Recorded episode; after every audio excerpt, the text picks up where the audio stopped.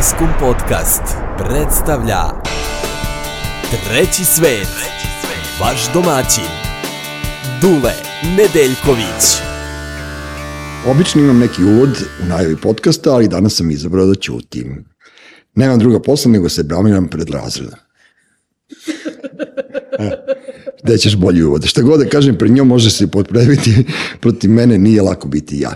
E, u jednom trenutku ćemo se, verujte mi, uozbiljiti e, gošća podcasta, moja e, draga drugarica Tamara Skroza. Ja, ja sam strašno ponosan na to što, što si ti osoba s kojom se ja smejem. Ne mislim da si ti jedna od troje ljudi koji, s kojima ja ono, ono imam najlepše razgovore. Ono, kao, naš, kao, nikad nisam imao sestru u životu, ali ono, kapiram da je to ono, taj odnos brat-sestra kada imaju po 50 i plusu godina. Majke mi, ono, hvala ti što si došla. Da počne da plače. Pa i treba da počneš da plačeš kad ti neko ovakav tako nešto kaže. Nije, ali zaista reci, ja šetam kuće, ti kući i uvek imaš vremena da mi se javiš i ja tebi naravno i uvek se mi smejem. Jeste, uvek se smejemo i uvek se lepo ispričamo kad se sretnemo tako usput, jeste. Dobro, ja to volim Jest. i, i, znaš, i kad sam te video na promociji, iz, ti mene svaki put iznenadiš, znaš, mislim da te negde nema kao i Delije Skroza, kad ja odem u skrc, ono da izblejim, kad ono ti na, govoriš na promociji knjige Maje Trifunović. Trifunović jeste. A odakle si se sad u tim književnim vodama našla? Pa Maja Trifunović je moja drugarica već 20 godina. Mm -hmm. I ovaj, zanimljivo je u,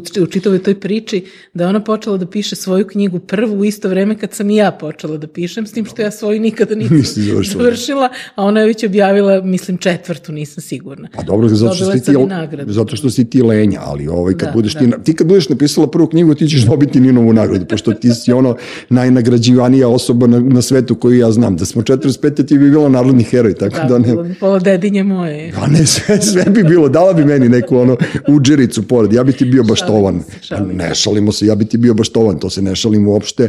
Ovaj, meni je drago što si ti toliko nagrađivana, jer ti si stvarno svaku nagradu, ma kako se zvala, zaslužila.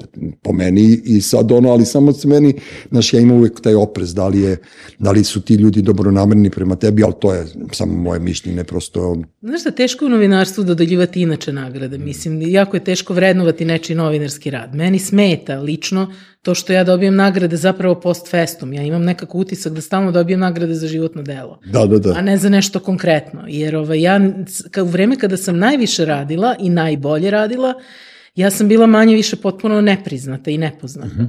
A onda, kako je vreme odmicalo, eh, ja realno sve manje i manje radim mislim, u novinarstvu radim, imam emisije, radim više nego ikad, ali sam, kad sam bila mlađa, radila baš strogo novinarske stvari i nekako nije to, nije to nailazilo na odziv kakav nailazi sada. Sada neka objava na Facebooku ima više kako bih rekla, komentara i više uticaja nego od pet tekstova nekad. Tako da, eto, to mi smeta mi prosto ta hronologija, ali sam potpuno čista s tim da, mislim, jesam ih zaslužila. Da. A, I mnogo mi znače baš zato što su došli post festum. Dobro, ali ti nisi ne samo za novinarstvo dobijala nagrade, ti si dobijala nagrade i za Tako. fotografiju.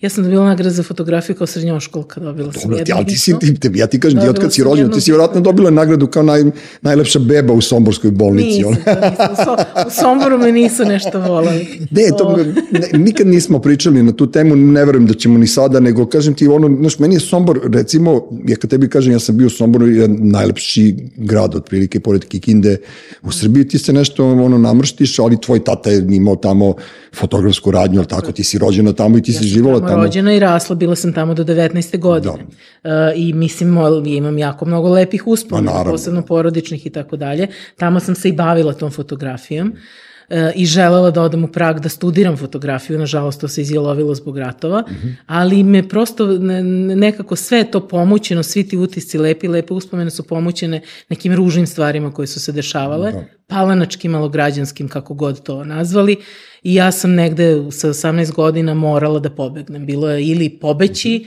ili me više neće biti. Should I stay or should I die? Tako je. Da, ali ono, sva sreća da si pobegla u, u veliki grad, to je Beograd, ono, kao da ovde, sva sreća da ovde nije seljana i da su te ono, širo, ono obe ručke prihvatili. Ali dobro, Jeste. Mene je kapiram. Beograd stvarno prihvatio lepo. Ja ne mogu tu, tu jednu reč da kažem. Znači ja Dobro. u, živo, u, u, u beogradskom svom delu života, a to je sad veći deo mog života, tu vrstu neprijatnosti kakve sam imala u Somboru nisam nikad imala. Beograd je, Beograd prihvata drugačijeg. Mm -hmm. različitog od mainstreama. Ja sam u to vreme bila drugačija od mainstreama I tamo sam nailazila ne na osudu, nego bukvalno na progon. Na progon, na teror. A to se ovde nije dogodilo, nikada, da. ni jednom.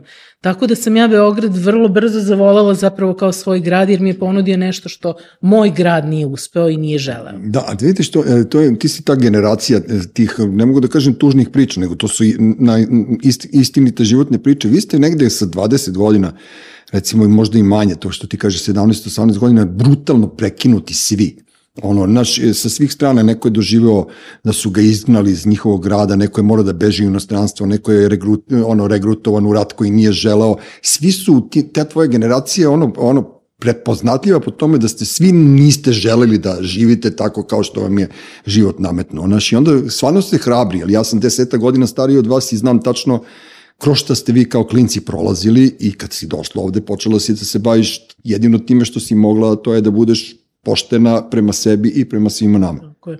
Da. A to je bio jedini izbor, ne znam, znaš koliko je moja, ne volim te priče, naša generacija. Ne, ne mislim, da, nego zalomilo da. ti se tako. Pazi, zalomilo moj, se ne... ja u 20 godina sam svirao uh, riblju čorbu i cirko crno vino i bolilo me dupe. Da. Sedeo sam na Savi, a ti si sa 20 godina gledala bombe kako padaju preko puta Save. Tako, tako, da, naš, tako. naprosto i taj Sombor je bio tu blizu granice s Hrvatskom i, znaš, sve je to bilo gadno. Ne, sve je bilo gadno i mislim to je po, pogranični deo recimo ja se sećam, uvek mi je to prva asocijacija na rat, mi je ovaj, činjenica da te zime kada, je, kada su bile borbe za Vukovar, nije bilo vrana u Somboru, nije bilo ptica u Somboru. Otišle da jedu tamo. One su sve otišle da jedu, da. Mi da baš A, ovaj, tako da to mi je recimo prva, prva neka misla. Da. I ta zima je bila strašna, maglovita, bila je vizuelno strašna. Mi smo čuli, mislim, mi smo Vukovar da, čuli. A, a istovremeno ono što je bilo zanimljivo, mi smo pratili programe i televizije Hrvatske i televizije iz Beograda. Tako da smo imali dve te istine sukobljene i to je sve stvaralo jednu totalnu šizofreniju. I taj je grad bio polarizovan mnogo pre nego što je reč polarizacija mm -hmm. ušla u modu. Da, da, da. Prosto je bio podeljeni grad. A pritom sam ja još iz mešovitog braka. Dakle, mi smo, mi smo u kući imali, imali neku vrstu problema s tim u vezi, mm -hmm. tako da, ovaj, da, da, da je to zaista stvaralo u najmanju ruku jednu neprijatnost. Moj otac koji je bio Hrvat, uh, da njegovi su dalmatinci, on je jako teško podnosio taj rat i na samom početku rata i njemu komšija Srbin zbog jedne šale usput izgovorene prislonio pištolj na čelo. Ja sam od tog trenutka znala da više nema zezanja. Da, da, da.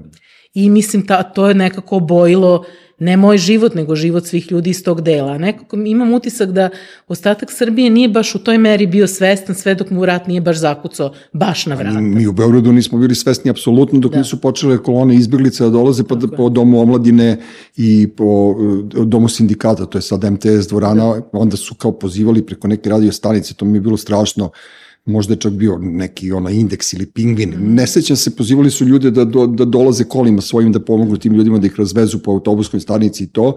I ja sam vozio neke ljudi i meni klinac onako da mi se zahvali mlađi od mog sina danas da bombu ručnu. Mislim, znaš, ja sam bio u fazonu, bacio sam je tamo negde u Beogradu na vodi e, svoje vremeno i onda sam se rasplakao bio, onda sam bio u fazonu, što, znaš, totalno šizofrenija. A kad smo već kod Vukovara, pošto je ovo podcast, možemo malo slobodnije da pričamo, dan kad je oslobođen Vukovara, meni umro otac.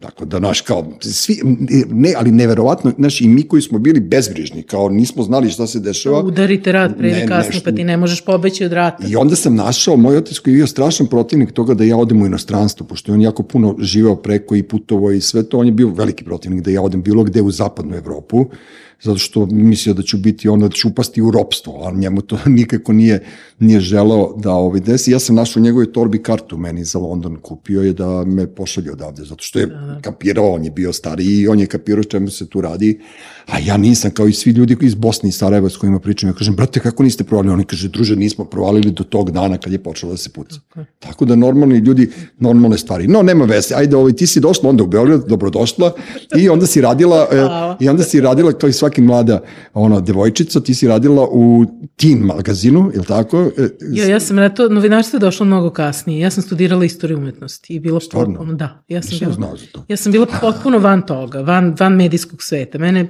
ja sam gravitirala ka medijima uvek. Recimo, radila sam u dečijem programu Radio Sombora. Dobro. To, to je leto pre što ću doći u Beograd, zamenjivala sam uh, fotoreportera Somborskih novina. Mislim, to je recimo zanimljivost iz moje biografije.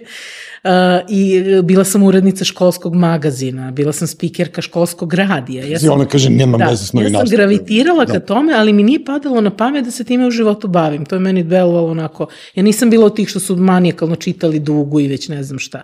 Mm. Znači, to mene ništa nije zanimalo preterano, zanimala me politika. Znači, od trenutka kada sam videla Slobodana Miloševića, ja sam znala da je to čovjek protiv koga ja moram da se borim. Zbog čega je, za šta je delimično zaslužena i moja majka. Dakle, moj prvi susret sa Slobodanom Miloševićem je u leto 88. Ja imam 15 godina i vraćam se s bazena.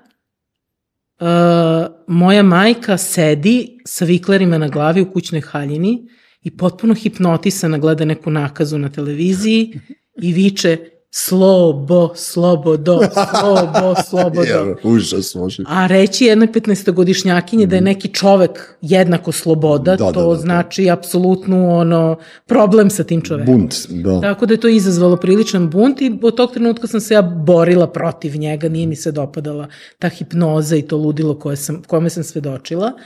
Uh, ali nisam žela time da se bavim. Htela sam da se, da se bavim fotografijom, nisam mogla, nisam mogla da stignem do Praga. Nije bilo više ni novca, ni ništa. Da, Da, da. da. sport, što bi se reklo. Mm -hmm. I onda sam išla kao linija manjeg otpora, ajde, akademiju kao neću nikad upisati, idem na istoriju umetnosti pa će nešto se dogodi. I ja sam vredno studirala tu istoriju umetnosti, bila sam super studentkinja, sve desetke sam dobijala. Baš me čudi. I onda je došao protest, 96. 97. Dobro, Ja sam bila- koalicija zajedno, je to Tako, to. ja sam već bila na kraju studija i ja sam potpuno odlepila. Dakle, ja sam bila na protestu dan i noć. Ja nisam Mhm. dolazila kući, ja sam, što se kaže, dužila one grobarske smene u Kolarčevoj najgore, Noćne, kad nigde da, nikog da, nije da, da. bilo. Ja sam bila manijak. Posvađala sam se sa svim svojim prijateljima koji nisu želeli da me prate u tom mom ludilu. Bukvalno sam poludela. Kad se završio protest, ja sam shvatila da od istorije umetnosti nema ništa. Mm. -hmm. To je kao kad se neko zaljubi i ostavi petoro dece zbog ljubavnice, mislim, eto, to je tako. Dobro, Znači, ja sam potpuno bila opijena, hipnotisana, znala sam da nema života u istoriji umetnosti za mene, da ja moram da se bavim nekom politikom. U stranku nisam žela da idem, mm -hmm. u no- nevladinom sektoru sebe nisam videla, mediji su bili jedini logičan izlaz. izbor. Da, da, da. I onda sam otišla na audiciju za radio indeks i tu je počelo sve. Ali javila si se kao voditelj ili kao novinar? Najavila sam se kao spikerka, to je potpuno mm -hmm. neverovatno, odnosno htela sam da budem spikerka. Meni je taj posao bio vrlo privlačan od uvek. Mm -hmm. I ovaj, kad sam došla na audiciju, tu je bila gomila sveta. Tu je, mislim, da je bilo jedno 300 mladih ljudi.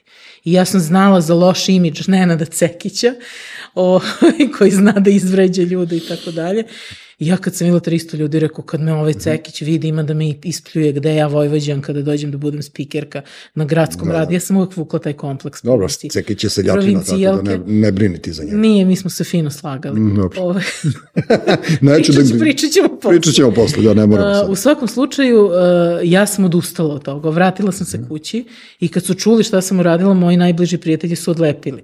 I rekli, koja si ti budala? Mislim, stvarno, sticajem okolnosti za dve nedelje je bila audicija za novinare. Dobro. I oni su mene dopratili do aule filozofskog fakulteta gde je bio test opšte kulture i čekali, stražarili ispred filozofskog fakulteta sa sve psom, da ja slučajno ne bih pobegla sa, sa ove sa audicije, sa tog prijemnog ispita.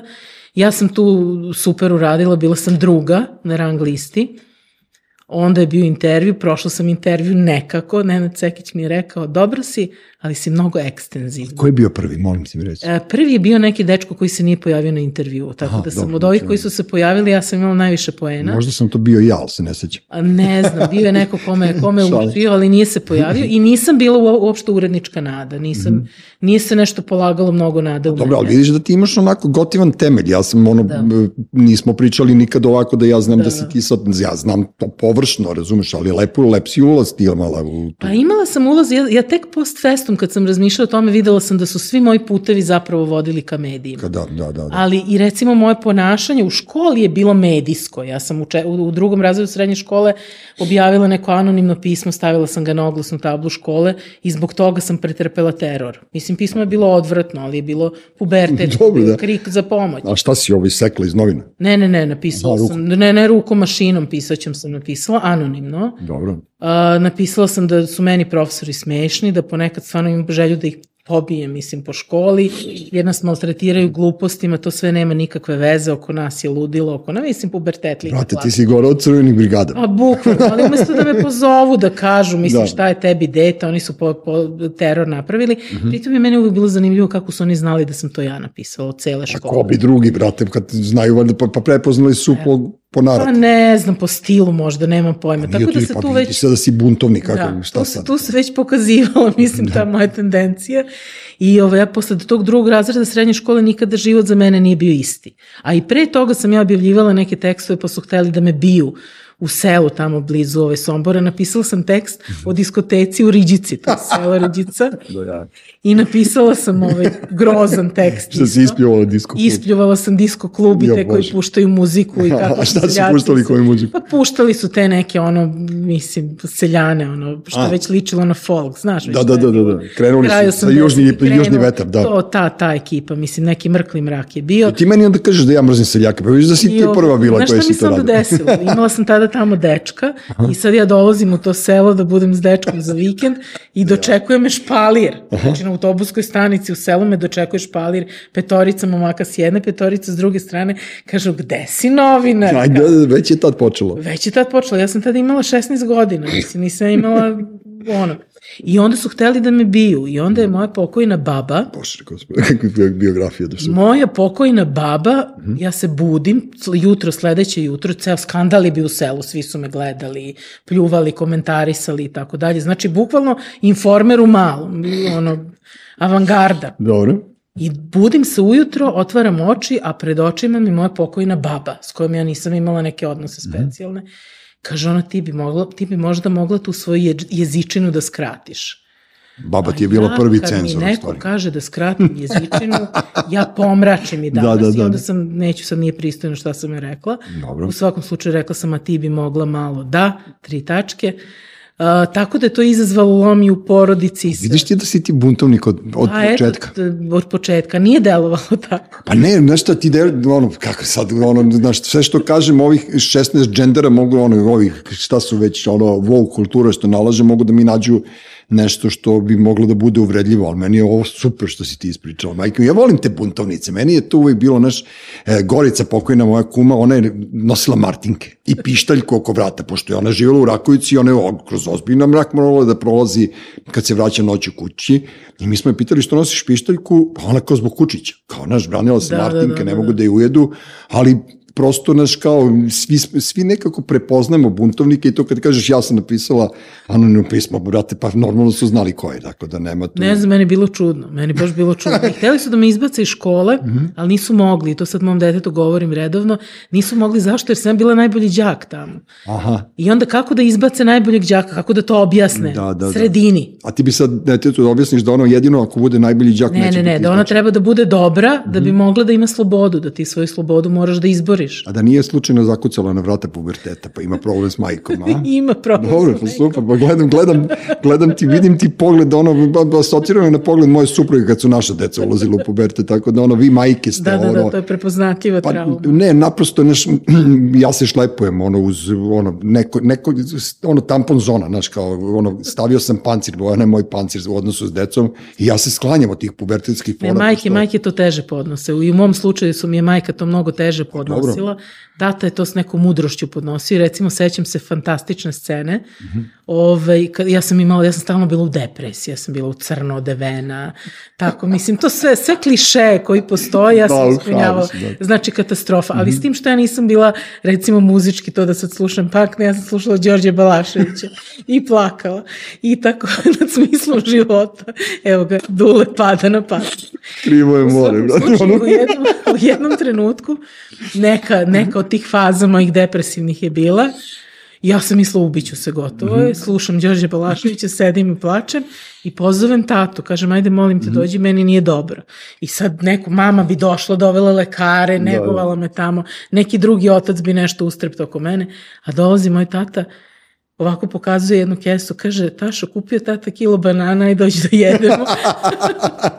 pa fenovo, pa da, pa to, ti, da. to ti je ta... Ono, Tako da, ovaj, da muškarci verovatno to ovaj, nekako drugačije podnose. A evo, sinoć su kao nešto bilo malo onako, neš, neki sparkl između dve ženske članice naše porodice i sad ova mala prolazi onako iza mene, iza fotelje u kojoj ja stojim i on se uzo jastuk i kao ovo, i ona počela da umire od smeha i tako se tu završilo, ono kao, no, nemoj mi ti iza leđa, prate, ne znam ja šta ćeš ti da uradiš u svom pubertetskom zanosu, ali nema veze, ja sam uvek voleo e, drugarice moje su bile ono većinski buntovnice, tako da ni, nisam ja, meni je to bilo strašno simpatično, znaš, zato što uvek nekako, znaš koja je fora tu bila, sad je, sad je to malo, malo izgubilo tu draž, ali mi smo umeli da se krijemo iza recimo kod tebe isturimo, da ti budeš nama glasnogovornik, a ako te neko pipne, tu mi stojimo iza leđa, nas čuvamo malo leđa i to je meni nekako, nekako bilo viteško u to doba i kad smo bili klinci i kada sam ja počinjao da radim u, u ritmu srca, mi smo ono, ne znam, Aciku, Jelicu, Goricu uvek gurali u prvi plan, a mi smo ih čuvali leđa, otprilike, to je... Pa bile su srećnice, nije, moje iskustva nisu baš bila Mhm. skroz tako. Ja sam imala par drugara koji su me čuvali. Ko će te čuvati? Ali koji su, isto, koji su isto bili, pa govorim o tom ranijem periodu,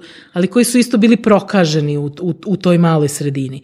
A, ove, a u većoj sredini, nažalost, buntovnici, mislim, to je situacija koju sigurno i ti znaš iz svog okruženja, ko je buntovnik po karakteru, taj ostane buntovnik do kraja. I taj u, u našoj sredini, u našem društvu, večno ima problem s nekim. Pa to ti ono, žovijalni tipovi nam ono stoje na, na leđima E, to, ceo život. to, Tako to, da ono, ma ne, e, ja tebe potpuno razumem, nego mi je strašno simpatično kako je ono, znaš kao ti si bre ono novinarska veličina i ono naš prosto kad pričam ovako sa s tobom ili s nekim ljudima koji imaju uspešne biografije i karijere, ja se zbunim koliko ste vi normalni. Ali ozbiljno, znaš, jer, jer pazi, tamo da ti kažem jednu stvar, ja mislim da ne postoji osoba na ovom svetu koja je više puta uzeta u pogana usta od tebe.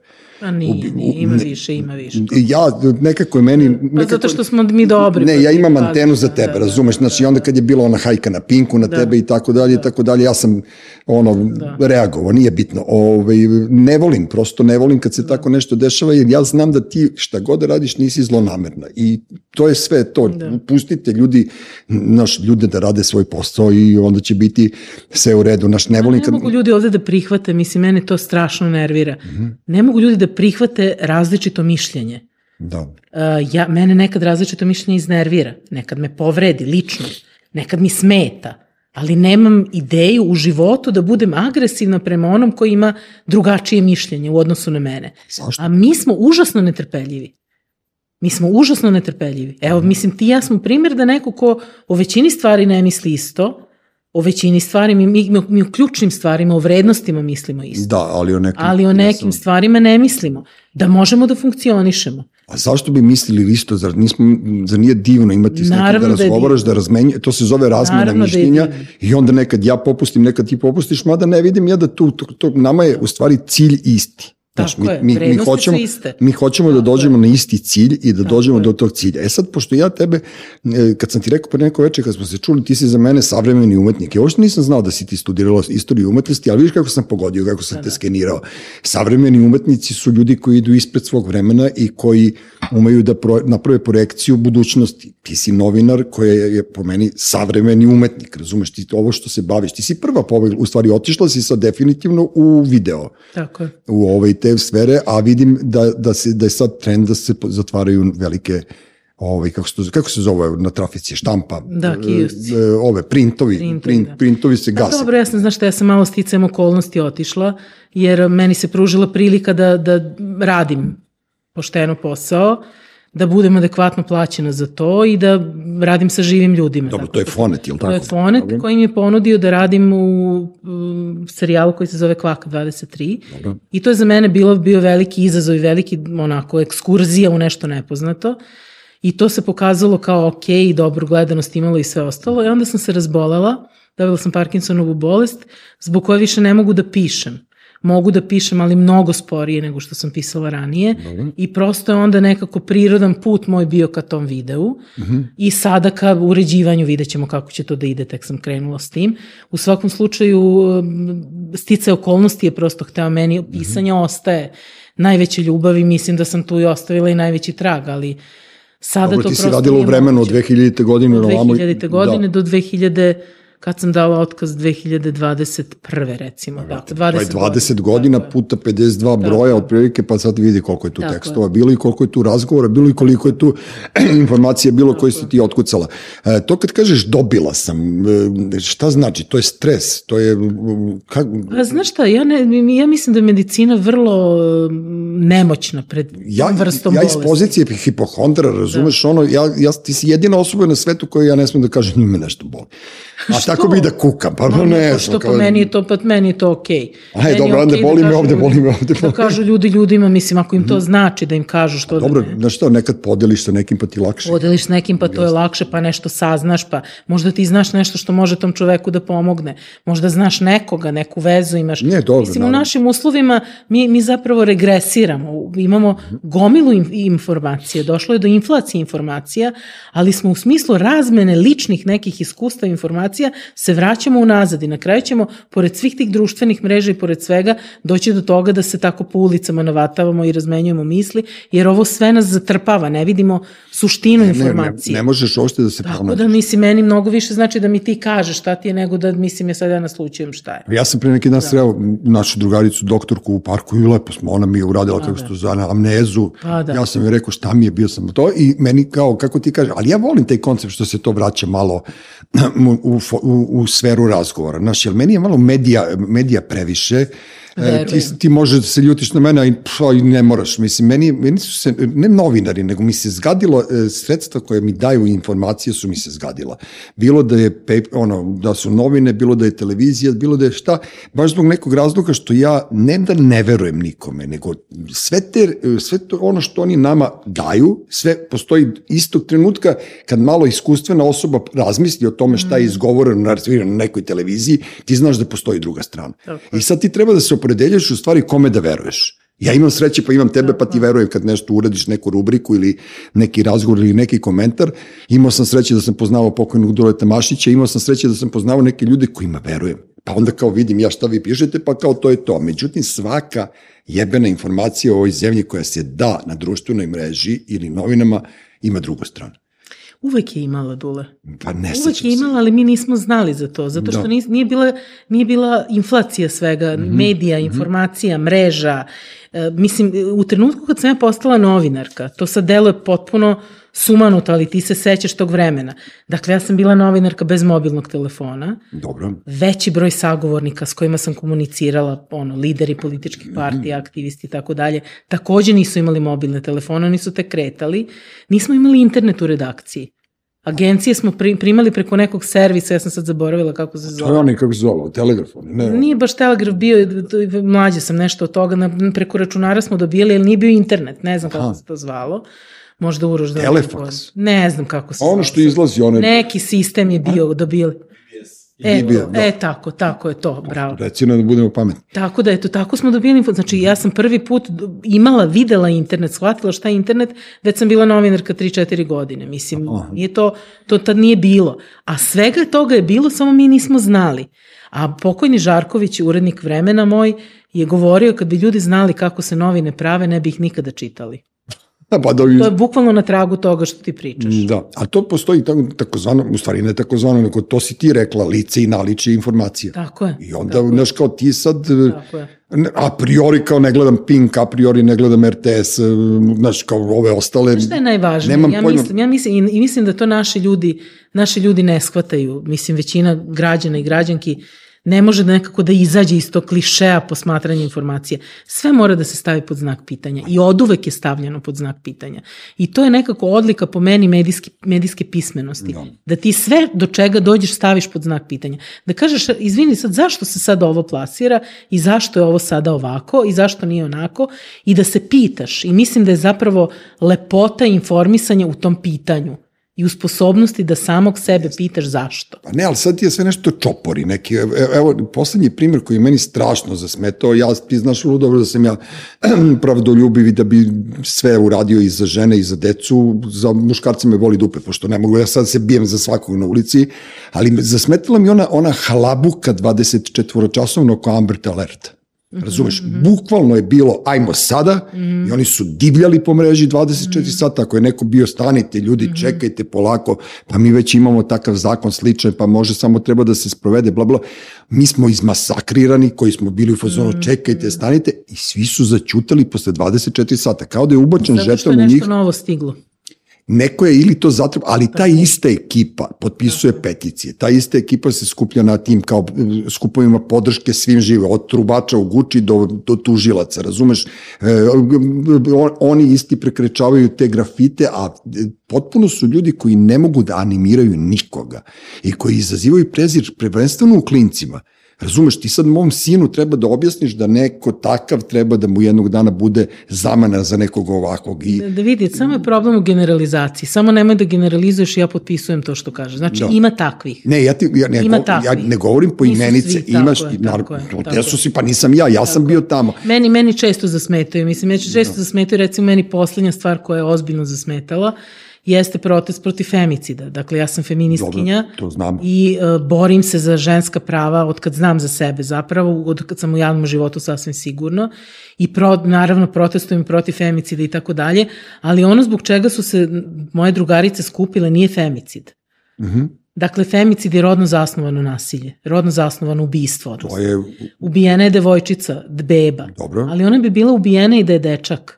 Ona nije ubijena zato što je devojčica. a da, dobro, izvini, ja sam na nešto drugo ona pomislio, nije, da ok, da, sad, ona sad nije znam. ubijena zato što je devojčica. Da. I nekako sam... Ubijena nekako zato što je kreten ubio dete, tako je. ne devojčicu. On da. bi ubio i dečaka. Naravno. Tako da ja, ja, ja, sam, ja imam problem s tim. Mhm. I ja mislim da to nekako zamagljuje čitavu stvar. I mnogi, mnogi žene su isto pomislile, ali ti sada, ako evo, sad će da nasrnu na mene, mislim, razni. Pa nema šta da nasrću kad je ovo, ovo je, ovo je, ovo, sad ti kao Jer- treba jer- nekom da se pravdaš što, što, Moraš što da se pravdaš zato što, će, zato što ti naiđe, naiđe ti struja koja agresivno nastupa prema tebi.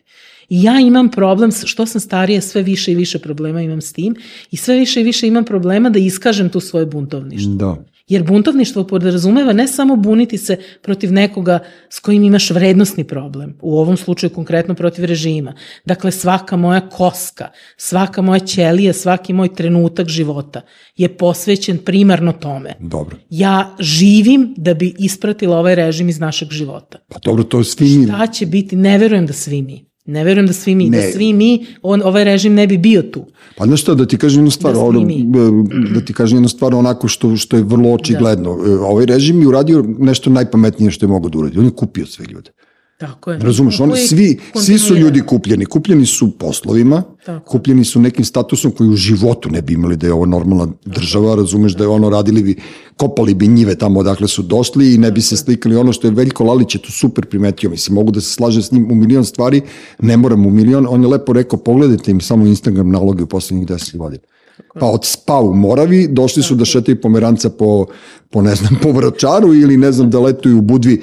Ljudi su prosto potkupljivi i sada mi koji nismo potkupljivi imamo problem. Ali mi smo neke, ono, neke škorpije, bubašvabe, pa se nekako snađemo mi u svemu Nekako tome. se snađe, mislim, ja, ja govorim uvek da ja nisam nikada imala više posla nego sada. To je super. I nikad mi u tom materijalnom smislu nije bilo bolje nego sada, što je potpuni absurd.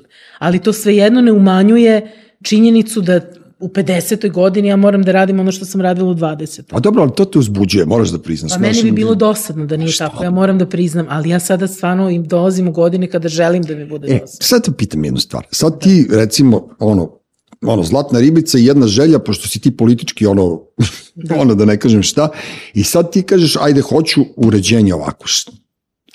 Kakvo? Vjerojatno bi se ja ubio ili bi ti ja bio Ne bi prva ubio, opozicija. ne, ne. A To šta, bi šta, bila- šta bi ti ono To prvo? bi bila prvo? parlamentarna demokratija. Parlamentarna demokratija, ok, Dakle, imamo socijaldemokratija neka. Imamo skupštinu koja, koja je normalna, imamo predsednika ili predsednicu koji su normalni, imamo, si, imamo institucije koje su normalne. Dobro, Mi nemamo ni parlament, ni predsednika, ni institucije. Mi imamo kralja, cara, imamo samo boga, predsednika, da, da, da. institucije je pogazio, Mhm. uništio, skupština se gica, bori zahvaljujući ovoj grupici manje ili više uspešnih opozicijonih Mhm. političara i to je to, mi nemamo državu. Dakle, ja se u ovom trenutku ne zalažem za bilo koje uređenje. Ja se da. zalažem za parlamentarnu demokratiju. A uređenje će zavisiti od toga kako se ljudi izjasne. Ali mi smo, mi smo duboko korumpirano društvo. Ovde smo svi korumpirani. Ne mogu Jesu. ja da kažem, ja sam korumpiran. Meni kad je neko dao 100 dinara da pređem ulicu, Jesu. ja bih prešao ulicu. Jesmo, Nije. ti si rekao zlatna ribica. Zlatna ribica, eto, to su te da. nerealne da. želje. Ja zaista ne verujem, iskreno mm. ne verujem da ćemo mi za našeg života Mi ćemo, ja verujem da ćemo videti smenu vlasti. Ja, ja živim da dočekam još jedan 5. oktobar. Meni je to jedan od lepših dana u mom životu bio. Uh, dakle, živim između oslog za to. Figurativno priča, Figurativno. Ne, ne, ne priziva nasilje. Ne, Bolidi, ne, ne, ne priziva samo da kažem, da, nasilje. Da, pa da. ne, mislim, ko bude shvatio priziva nasilje, bolje da ništa nije. A ovi tvoji će da shvate, ne Pa ne znam kako, u svakom slučaju ja sanjem da se meni vlast. Da, da. Uh, da bude nešto. A šta ćemo mi onda da radimo? Šta ćemo mi ninja onda da radimo? Nećemo dočekati nikada društvo o kome sanjamo. Pa dakle, ja verujem da posle ovog pakla sledi još jedan krug pakla, mm -hmm po mojoj prognozi će biti desničarski krug. Uh, tek tu ne, mislim, ja lično se neću snaći, da. ali, ali nešto smo uradili. Ne bih ja njima nešto davao, kako ti kažem, evo sad se dešava... Ne bih davao kredita. Ne. E, da ti kažem jednu stvar, sad se dešava sa Markom Vidojkovićem. Da. To se dešavalo pre 20-30 godina sa Vlajsom, Vladom Arsenijevićem, kad je bio sklonjen odavde u Meksiko i onda se on vratio i još jedan čovek, uh, nek mi oprosti, zaboravio sam ime, ali on je ostao tamo, mislim da je sa Kosova. I, ovaj, I sad je došlo do toga da Vidojko ode, ode pod eh, patronatom eh, Pena. Se, Pena, da to je ovaj, i da ode da bude kao sklonjen iz države. Sad ja imam problem s tim, ja volim Marka Vidojkovića, volim, volim ga zato što je on bio, prvi njegov javni nastup je bio kod mene, eh, kod Gorici mene u emisiji na radiju B92 i ceo život imamo neku moju naklonost. Ali ovo što je sad se desilo, E, mi je nije put ka izbavljenju ovoga o čemu ti pričaš. Mislim da je opet još jedna laž u pitanju. Mislim da opet preteruju neki ljudi i da opet neki ljudi se šlepuju uz njegovu nesreću. Njemu je prećeno, ali on je, on je njegova paranoja je bukvalno imala podršku u nekim strukturama društva koje se skriju iza njega da bi, ne znam, naškodile nekome i onda se na kraju javi e, Veran koji će kao da pregovora sa vladom u to ime. Pa znaš, brate, da ga gaze već deset godina i više, vidojka gaze ga najstrašnije, šalju mu poruke što si se sad aktivirao. Znaš kao, kako se uvek u nekom trenutku pojave neki ljudi, ja nemam ništa lično ni protiv koga, verujem, odavno sam prestao, ali ti ljudi meni bodu oči, znaš kao, brate, nemoj da mu pomažeš. Seti se one priče iz Pančeva kad su otvarali su, sigurnu kuću, pa kad su se debili slikali sa 92-ke, pa se Veran slikao tamo kao otvarao sigurnu kuću, onda je uveteo uveče manijek i prebio svoju ženu ili je video na televiziji, u vestima je video kuću gde, sigurno kuću u Pančevu. Ja sam se krstio i lupom i nogom, onda kad sam ja to rekao, oni su rekli glavanja lupa. Ok, lupam, ali vi ste to uradili. Evo isto sad za Markom. Njega su kao sklonili, on je tamo, oti... i onda sad ja pomislim, e, tu je otišla i ova, ne znam, kompozitorka, tu je otišla i ova novinarka, tu je otišla i ovaj futbaler, svi su oni kao žrtve režima. Pa ja i ti smo veće žrtve režima nego svi živi. Tebi su isto to radili, pa nisi ni jednog trenutka zajeukala da te isele iz Beograda i da te relociraju. Samo on je dobio baš ozbiljne pretnje. Mislim, Ma daj, nemoj da me zajebaš, pa to, izvini što sam ti tako rekao, molim te, ali mislim da to je ulična fora. Ti ako glumiš uličara, ti moraš da dobiš batine. Razumeš, to, to ti je to, ne mislim ja... Ne, ne, Ma ne moraš, je tu sa ti ja razlikujemo, ne moraš da dobiješ batina. Što bi dobio batina? Zato što si zaslužio. I što bi, što bi on sad, znaš šta, neko na mnogo manji impuls reaguje burnije nego neko na veliki impuls. A, dobro, to jeste. To je ličnog sad... doživljaja. Mm -hmm. ako, se nje, ako se njemu ovde ne dopada, meni je okej okay da ode, bez obzira šta. Ali ne, Isto ali... tako mi nije okej okay da mu se pomaže u smislu ajde kao dijalog s vlašću. Ja sam, ja sam protiv svih dijaloga sa ovom vlašću. A to je ono što ti smeta. Evo, znači, ti, ti si u stvari sad izgovorila ono što sam ja hteo. Meni smeta, što, koji se vlast trpa? Daj mi ćemo da mu pomognemo. Mi smo imali na medijskoj sceni veliki suko pre jedno 3-4 godine. Mm -hmm Ja sam tu opet svoju bunđijsku prirodu iskazala i mnogi su imali problem s tim, kada je medijska zajednica krenula u dijalog s vlašću, takozvani. I onda se svaki, na svake dve nedelje skupljala ekipa na uglednih novinara i predstavnika udruženja i pričala sa Brnabićkom i sa ekipom. Moj argument je bio, ti pričaš sa dželatom. Da. Znači, tebi je glava na giljotini i ti pričaš, mislim, izvini, ja nemam šta da pričam sa dželatom. Ja ili mogu da ga udarim među noge, Naravno. ako imam ili moći, ili ga ignorišem, ili ga pljujem, ili ga psujem, ili ne, razgovaram s njim. Ne, nikada. Mi nemamo o čemu da pričam. Da. Ja nemam o čemu da pričam s ljudima koji proganjaju mene, tebe, Vidojkovića, Georgijeva, Bil, Bil, Brano Čečena, raz... Sve mi je jasno. sve moje kolege, mi nemam, ja nemam s njima šta da pričam. Ali samo da ti kažem, Marko Vidojković je sklonjen u zemlju EU.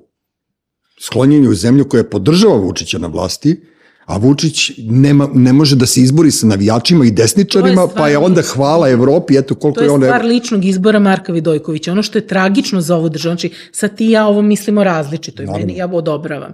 Nek ide čovek, neka cveta hiljadu cveta. Ide i ja sam kažem. Gde se osjeća sigurnim. Ali je tragedija ovog društva i ove države. To što čovek kao što je Marko Vidojković, o kome može da misli ko šta hoće, ali čovek je tiražni pisac, e, novinar čija reč ima težinu već godinama. Nas dvoje smo otprilike u isto vreme počeli ili potpuno su nam drugačiji putevi. I ovaj, im- oko mnogih stvari se nismo nikad slagali, oko njegovog pol, pogleda na razne stvari, mm -hmm. ali tragično je da taj i takav čovek bude uopšte doveden u situaciju da razmišlja ne da li će da je ode trbuhom za kruhom, nego gde će se osjećati sigurnim. Da. To je Ali tragično. ali pazi- A sad procenat koliko je on zaista u opasnosti linije je lična. Lična. Ako se ja osjećam tako da, da, se, da posmatram oko sebe ko će da me šutne iz kog ugla, Da. onda ja treba da idem Me- odmah. Da, pod ti kažem jednu stvar, žico je ono što se kaže u uličnom slengu žico je batine, naročito oko reprezentacije u Kataru, kad je bukvalno, on, ja, sam, ja nisam verovao što je čovjek izgovorio, ali bukvalno, znaš, ne, ne interesuje me, ali bio sam u fazonu, zašto to radiš, druže, to se ne radi, nepristojno je. Je, sve nije, stoji, nije ali pristojno. uopšte društvo u kome ti imaš granicu, mislim, u kome, u kome se postavlja... A moraš da imaš jasna gra- granicu, Pa moraš da imaš granicu dok ne vređaš dostojanstvo nekog lično, mislim, on, ima, on imao, on ima takve ispade, ali to je, kako bih rekla, u normalnom društvu A to ti je ono koji ovi francuzi društvu- što su, E, sad što su htela pobili da karikaturiste, znaš, kao to je, uvek možeš tako da je. nađemo opravdanje za nečije Tako je. delovanje, ali ja nikad ne mogu da nađem opravdanje za bezobrazluk, prostakluk i nevaspitanje. Razumeš, možeš ti to na lepši način da objasniš, a zato što si pisac, zato što si novinar, slažemo, sve se mi slažemo. Ja samo mislim da nije odgovornost na samom čoveku. Naravno da nego je to je da. odgovornost na okolnostima koje su ga dovele dotle. Jeste. Znači ja isto nemam, nisam imala ranije potrebu da psujem. Nisam psovala nikad u životu. Ja u poslednje dve godine psujem kao kočijaš u privatnom životu. Ne, nešto mene ne vrsta. Mislim, sad, sad, sad karikiram, Da. ali hoću da kažem, dovedete ova država, ovo društvo, ovi ljudi, te dovedu u situaciju da se, da potpunu metamorfozu u tom društvenom smislu ali da počela je da bude velika agresija na toj upražnjenom mestu levice, pošto levica kad, je, kad, je, kad su se osvojila ljudska prava, levica je prestala da postoji, nije bitno i tu su utrčali raznorazni ljudi, NGO, aktivisti, bla, bla, bla, bla. E sad, to možemo sa Markom posmatramo za dve strane. Ti si u pravu što se tiče države, ali ja sam u pravu što se tiče populusa, naroda, razumeš? Nemoj, bra- što nisi vređao Slobinu, što nisi vređao Džajića, Saleta Đorđevića koji je pogodio trojku u Ati- u Atini kad je dao 11 koševa, pa smo svi slavili 95. a oni su otišli kod Slobe. Ne, nije to isto. Pustiš ljude da se bavi. Šta sad, moj sin ne treba da igra basket zato što je Vučić predsednik. To je po, po meni Pljuvali smo i njih, mislim. ne, tako, pljuvali jesmo, ali ne tako, ali ne tako, ali i ne tako Vučića. agresivno, ne tako divljački, ne. Novak Đoković, dečko bre, najbolji teniser na svetu, ono neviđen uspeh je postigao. Sad što ima roditelje kretene, pa i mi smo svi imamo I on razno se razno. ponaša vrlo čudno u određenim situacijama. Dobro, znaš šta, kad si Ali tamo- što, što, ne, što ne, ne utiče na, na to šta je on. On je teniser, To brate, kad gledaš njegov meč i kad opere bilo koga, ja se radujem. Sad šta on radi ima, van ima toga? čovek pravo da kaže šta misli o čemu, Naravno. čemu što hoće. I on plaća cenu. Marko i pre ovoga plaćao cenu. Pa i Novak. Svi oni koji go nešto kažu u ovo vreme Cenu. plaćaju cenu. Jeste, to Jedino je sad pitanje kolika je cena i da li, zašto smo mi dozvolili da cene budu tolike. Na svu sreću, sada još nemamo mrtvih, nadam se da će tako i ostati. A znaš šta, da ti kažem jednu Ali- stvar, ako ne ukinu društvene mreže, mr- bit će mrtvih. Evo ja ću da ti kažem, zato što, ne, ozbiljno, ne, to, je, to, ti je ono, to ti je ona, kako ti kažem, imaš, znaš koji je najbučniji grad na svetu? U stvari u Evropi, ne na svetu, Barcelona. Od 92. godine nije bio i- nije dva minuta spojeno da se ne čuje neka hilti bušilica bilo gde, bilo kom tački centra Barcelone, razumeš? I da ti kad non stop živiš, ti se baviš, ono, pazi, ti si ekološki osvešćena i ja sam, kao ja se isto bavim nešto ekologijom u poslednje vreme. E, buka je jedan od najvećih neprijatelja Zagađivača. zagađivača i neprijatelja životne sredine, a ljudi naročito. I to kad primaš informacije, one tebe Znači, udaraj, udaraj, udaraj. Tako I što te više udaraju, te će već, veća će ti modrica biti, e, napravit će ti se, ne znam, potkožno, ono, unutrašnje krvarenje, jeste. I ti udarci koje mi trpimo na društvenim mrežama, ti ja smo iskusni, pa kao to iskuliramo, ili napušiš nekoga, ili već ne znam šta, ali to je, znači, ta pretirana agresija nekih minornih ljudi. Dolazi do toga da neki ljudi postanu opasni. E, s- Znaš ti šta su meni radili? Znam. Za ne znam šta, pa me boli dupe. Ja sam se šetao gradom, nikad mi niko Tamara u životu prišao nije. ti si, ti si vrlo, vrlo direktan. Ja, ja pazim, ja pazim, a da iz, iz, iz, izrazim stav, ali pažljivo ga izrazim. Ti si baš onako, ti poput onog Balzakovog u masu treba uleteti poput, tiho, Da, da. tiho poput kuge ili poput đuleta. Ja sam više kug. Eto tako. Ja sam više za kugu. E, Da, a da, ja sam poput đuleta, ali kad su u pitanju, kad su u pitanju mreže, onda, se, onda sam više kao kuga. Pa ne, dobro, Tako da. ja sam se skinuo, i ukinuo sam Twitter na ovog 1. januara i, brate, ja ne znam da Vučić postoji, onako iskren da budem. Ja Znaš, sam kao- samo na Facebooku, a Vučić mi je, s Vučićem ustajem i ležem. Mislim, to je... To je ona tvoja je ekipa, što moji, mo, mo, moji ljubimci, ovi tvoji, ovi tvoji, što ja kažem, tvoji, kako sam rekao, malo, tvoje paravojna, paravojne formacije koje mene preziru, a tebe obožavaju, a opet u stvari to je ono štokholmski sindrom, oni mene u stvari obožavaju, ali tebe isto. Tako da je to ljubav na sve strane, samo naš, ovaj podcast nema ovaj komentare, tako da... Pozdrav. E, Ti, e, ti si u savjetu za štampu Tako i, i, i tu vidim da si imala neki problem. e, Znaš, ja kako ti kažem, ti si u stvari problem. ono, Gde god da Ti si. Tamara skroz za problem. Ono šta Tako. god napraviš, brate, ti uletiš u Tako, problem. Tako da sam ja se smejao na glas, izvini, molim te, Dobro. ali video sam da si nekom onako Video sam da si popizdala da si nekom odgovorila nešto te neko prozvao za neku sednicu savjeta za štampu, da ja znam da si ti uradila ono što treba i sad se neko naše pametan da tebe pljuje. Pa problem je uvek kada Savjet za štampu donese odluku da je prekršio kodeks neko od takozvanih naših. Aha. Jer uvek ima ta podela na Ja, naše i na njihove. Misliš na ove što ih plaća Darko Šarić? I onda kad naši. dovedeš, kad dovede, kad, kada kaže da je kodeks prekršio neki tabloid, svi ti aplaudiraju kao bravo Dobro. ti. A ovaj put je, na jednoj od sednica je bila donesena odluka da je jedan od naših prekršaja. Svi grešimo. Mislim, grešila sam ja onoliko grešim svakog dana u poslu. Dobro, što je ružno Ja ne znam što je, to, što je to problem. I onda je krenula čaršija da ispira usta sa mnom. Mislim, kako pa je rečeno da, ovaj, da, da smo mi od, otprilike savjet za štampu isto što je SNS za medije. Mislim što je stvarno dobro, stvarno je apsurdno, bezobrazno. Stvarno Da, da, apsurdno. da. I meni, a meni je malo već muka i od saveta za štampu, jer svaka odluka do, izaziva reakciju određenim krugovima Mhm. i onda ti moraš da objašnjavaš da ti zapravo se baviš kodeksom novinara Srbije, da kada neko pogreši moraš da kažeš da si pogrešio, da je pogrešio i tako dalje i tako dalje i to postaje sada već, to, to je više, to je prevazišlo priču o medijskoj etici koja je moja velika strast, Dobro. jedna od najvećih novinarskih strasti i ušlo je u sfere međuljudskih odnosa, palanačkih priča. Znači, osjećam se kao u Somboru 92. Mislim, bukvalno. Dotle je došlo. Sa tim savetom, eto tako. Tako da, da to, to mi jako smeta i ovo sam morala da odreagujem jer Mhm. mi prosto me nervira tako, takva situacija. Moram da objasnim, da kažem. Naravno, onda sam u Messenger dobili Da. Y poruka koje mi kažu da bolje malo poslušam šta je rečeno nego da odmah objavljam na Facebooku. A ne, ali to mi je odvratno, znaš, kao to, to mi i oni, kao naši i njihovi. Pa onda, mo- onda možemo i ja i ti da budemo mi i oni. Mislim, znaš, kao te te Ja podele... imam, ja imam podelu na naše i njihove, ali se zna tačno ko su naši, ko su njihovi. S jedne strane je režim, Da. s druge strane oni koji se bore protiv režima i tom se podelom ja lično kao žena, građanka, državljanka ove zemlje dičim. Meni je, ja se ponosim i do kraja ću se ponositi činjenicom da ni jednog dana, ni jednog trena nisam bila uz ovaj režim Da. i na strani ovog režima. Ali ja i ti nismo, nažalost, političari, razumeš, i mi nemamo tu moć osim da budemo... prevazilazi dule politiku. Ovo nije stvar da li ja volim Vučića ili ne volim Vučića. Znamo li koga ćemo Meni da ne stavimo? sviđa. Ne Me- možemo da budemo e, bez... To, to je veliki problem, to, je to. veliko pitanje. Mi ne možemo da budemo bez parlamenta, mi ne možemo da budemo bez vlade, bez, Tako je. kako se to zove, ovo oročeno mandatu ili tako nešto. je. Sad je pitanje koga staviti. Ove pobešnjale desničare, njih odmah, mi smo daleko od pitanja koga staviti. Mi smo daleko od tog pitanja. Mi, mi, ja ne znam šta ćemo. Čoveče, ali ja te ljude kad viđam, pošto mi znamo, znamo ih sve privatno, razumeš, razumeš, kad vidim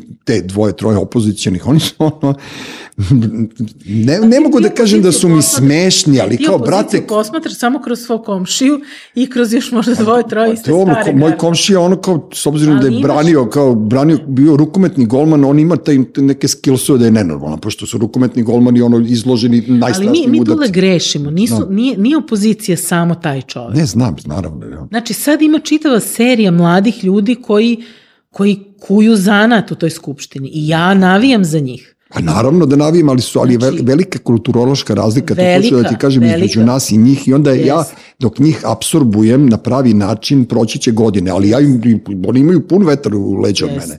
I Ne, oni nema, su sjajni, oni su Da. sjajni u, u, u tome što rade, ja to vidim kroz intervjue. Znači oni znaju da govore, oni znaju da se ponašaju, oni znaju kako se ophode prema novinarima. Za razliku od opozicijonih političara stare garde, koji sve više preuzimaju modele ponašanja SNS-a. Ja imam viđene lidere opozicije koji ne odgovaraju na telefonske pozive. da, da, da. A to rade samo naprednjaci. Ja sam s njima završila. Za razliku od mlade garde, šta god mislili o njima, znači uopšte ne ulazim u njihove Pa Ne, ideologije. mi nemamo, jedino je problem s nama su s vremenom, pošto smo mi 50 plus i onda... nećemo dočekati A to ti to kažem, a mi bi voleli da dočekamo i onda Voleli mi to ubrzavamo. nećemo dočekati. I onda nemamo strpljenja za te mlade koji u stvari grade taj temelj na kome će Tako. jednog dana da dođe do te vladanije prava o kojoj mi non stop pričamo, ma kako Ja je verujem da, će doći, da ćemo doživeti smenu vlasti, ali mi zapravo sta- pravimo, pokušamo da, napravimo temelje za našu decu. Naravno, ali kažem U ti ovom naša... trenutku kako stvari stoje, ja sam to jednom napisala pa si ti odmah reagovao, znači u ovom, u ovom trenutku ja sanjam trenutak kad ću svoje dete sa aerodroma ispratiti i to sam javno Gde, napisala. u Sombor? Sa aerodroma. U Kikindu, da. Nije, nije toliko daleko.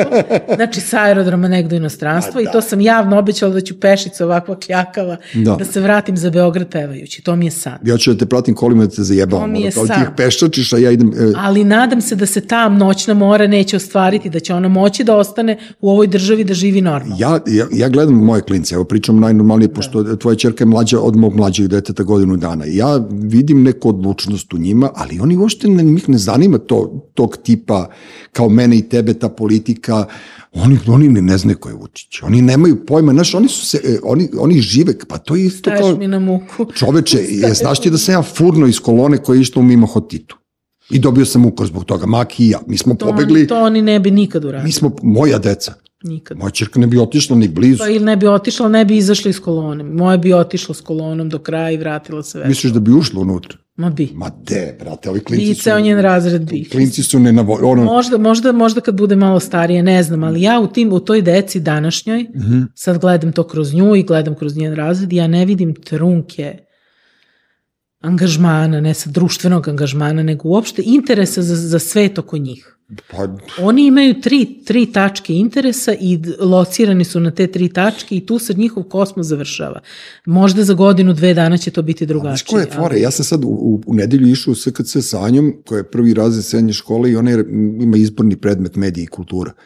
I ona je odradila nekih 15 teza na mobilnom telefonu, sve s palcem, neviđenom brzinom, dok sam ja prelistavao neke knjige, popili smo kafu i ona je rekla gotova sam. Ja sam uzeo, e, ti bi ti bi bila zadovoljna onima, ne ja koji sam medijski nepismen u odnosu na nju. Oni imaju neku drugu brzinu, oni imaju Ne, ne, neka druga drugačiji su, drugačiji su, ali za sad, znaš ti kažem, šta ovo je mlađi sluša, znaš ti šta sluša, moj sin, brate, mili, ti ne možeš sva, ja ne znam, ono, ono je Ne znam šta slušaju rumunski, moji bolje da ne znam. ovo je rumunski rep neki, ono, ja ništa ne razumem. Najveći, najveći, najveća fora je bila, moja čerka ne zna za te progone na Pinku i Dobro. da, za to sve. I bude onaj suko bake praseta i Željka Mitrovića. Dobro. I dolaze drugarice i one meni u duetu pevaju, repuju baku praseta, znači one prostakluke. Ja potpuno šokirana, ja ne mogu da verujem što se meni u kući dešava. Rekao, ja rekao, kako vas nije sramota? A šta, one su repale na Mitroviću, da, da, da. Rekuši, sve Aha, dobro. redom, žena ti je to, sin ti je to, čerka. Pa dobro. Znači, katastrofa. Ja potpuno šokiran, rekao, kako vas nije sramota to predamnom da pevate mene? Male ste, brate, za to. I meni moje dete mrtvo ladno kaže, ti navijaš za Mitrovića? Pa fenomenalno. E, moja ta, vreme je za penziju.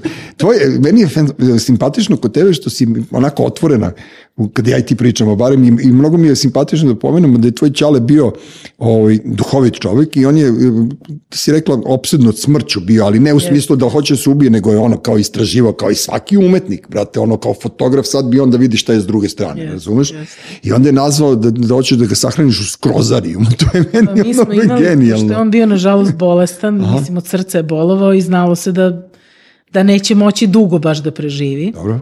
I onda su naravno, a on i ja smo malo opterećeni tom smrću grobljima i tako dalje.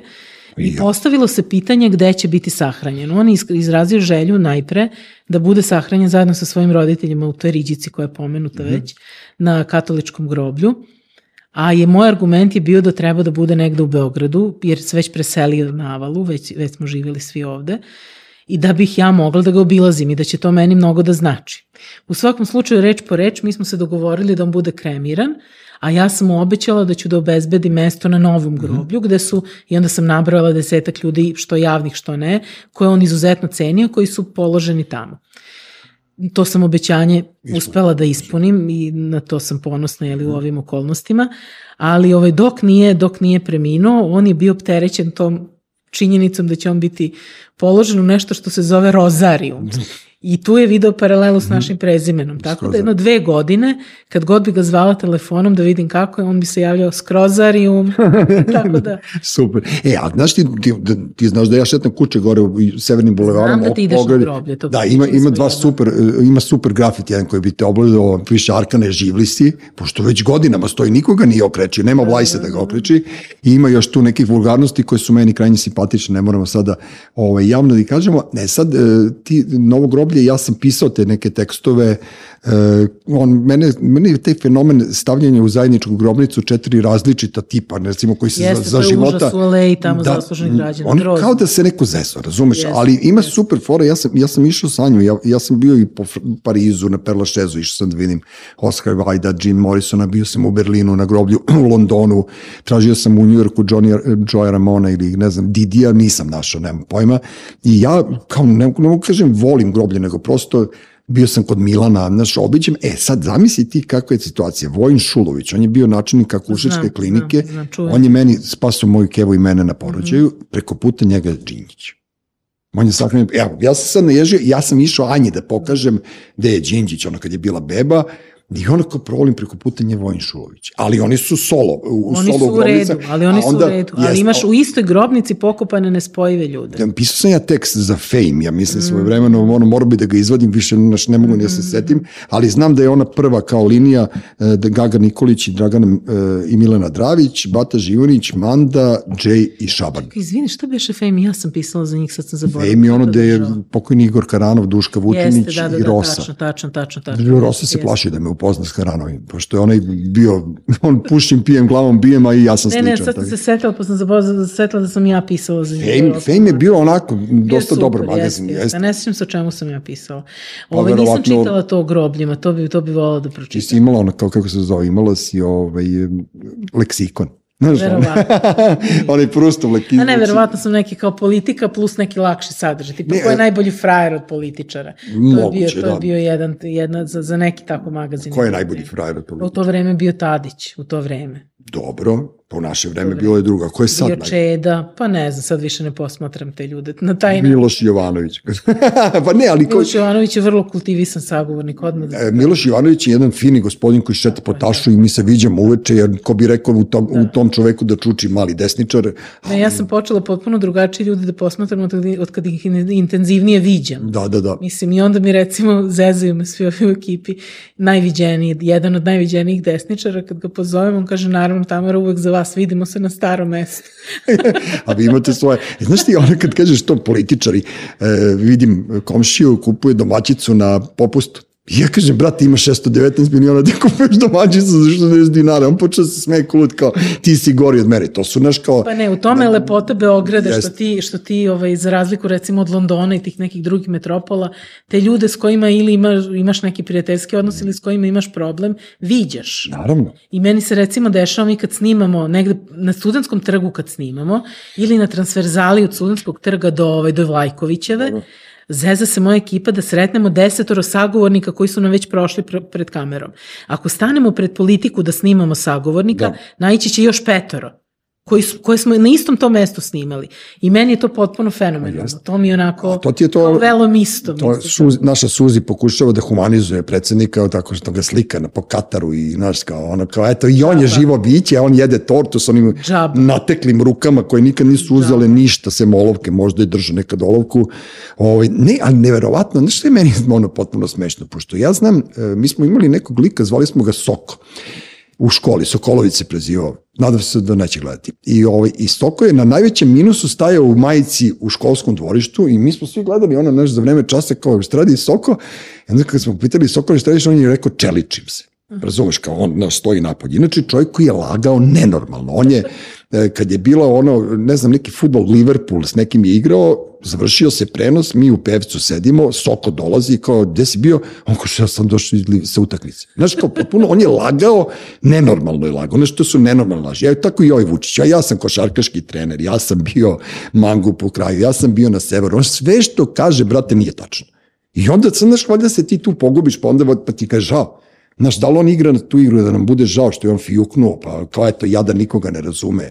Ili nemam pojma, ali ovi njegovi, to je, znaš, Ja njegov, njegov kum sinoć uhvaćen u McLarenu, brate, seljačina, ono, kao, znaš, džibri, ono, McLarena po Užičkoj, pa to nisu radili ni, ni, ni, ni partizani, jebate, znaš, svoje vremeno, ali ajde, što ti kažeš, vidjet ćemo i leđa, ne, oni će se pobijaju između sebe, ja uopšte nemam tu ovaj, neku, neku dilemu kako će oni svi da završu. Znaš, to, to je, to je, to, oni ne znaju šta da radi s tim panama i doći će do onog momenta kao e, ruski turisti u Bankoku kad su se iživljavali svoje vremena što je meni ogadilo i, i ceo taj istok i Rusiju i, i Bankok i sve to tako da neću da pričam o tome ali ja mislim da će oni između sebe da se podave što je meni strašno drago Sećaš se filma koji smo snimili sa Zdejkovićem? Ne, mislim sa Kako da ti ne? nego ono, radili ste To je, film, dokumentarac. to je film, to tad smo se mi upoznali ti. Da. Bili Eto, smo to hoću drugari, da kažem da sam- bili smo drugari na Facebooku, ali smo se upoznali tada po tom filmu. Da. A film se zvao Samo da je živo i zdravo. Tako da, Jeste, tako je bilo meni. To je jako zanimljiv. Ja, e, vi ste radili, to je film o tome e, kako bi roditelji prihvatili da im je Da im je dete gej, Dete ali da. uopšte o nasilju u porodici i nasilju koje je izazvano LGBT orijentacijom deteta. Jeste, ja sam se rado odazvao, pošto je meni to ono kao vrlo draga tema, ono, pošto uvijek dajem podršku a priori tome, kao što sam dao i podršku na prvoj gej paradi kad je bilo, pa me nisu panduri pustili da uđem u, kod Borke. Ne etc. kao Pa ne, kao, gde ćeš ti huligan, kao, ja kažem, ja ovde podržavam. Onda Evo, sam ja tom učestvovao. filmu u je bilo fenomen, bili su Goca Čomić, ti. Bora, Boža Prelević, e, bio je dečko koji je rođen kao devojčica e, i bila je jedna devojka koja je lezbejka i bila je jedna psihološkinja. Mhm. I sad svako je tu na svoj način doprino, ali ja znam da je mene potpuno osvojilo kad si ti na pitanje kako bi ti reagovao sad da ti dete dođe i kaže da je LGBT. Mm -hmm. Si rekao, pa ja sam potpuno indiferentan, mislim to sad meni liči potpuno na tebe, bio si baš ti u tom filmu, ali ja te tad još nisam znala. Ali uvijek se pitam šta će s tim, šta će u životu s tim. To je to ko pre neki dan gledao sam ženu koja je harfist. Harfist, da. I onda kreće monolog pet minuta šta, šta neko ko je karviskinja radi u životu.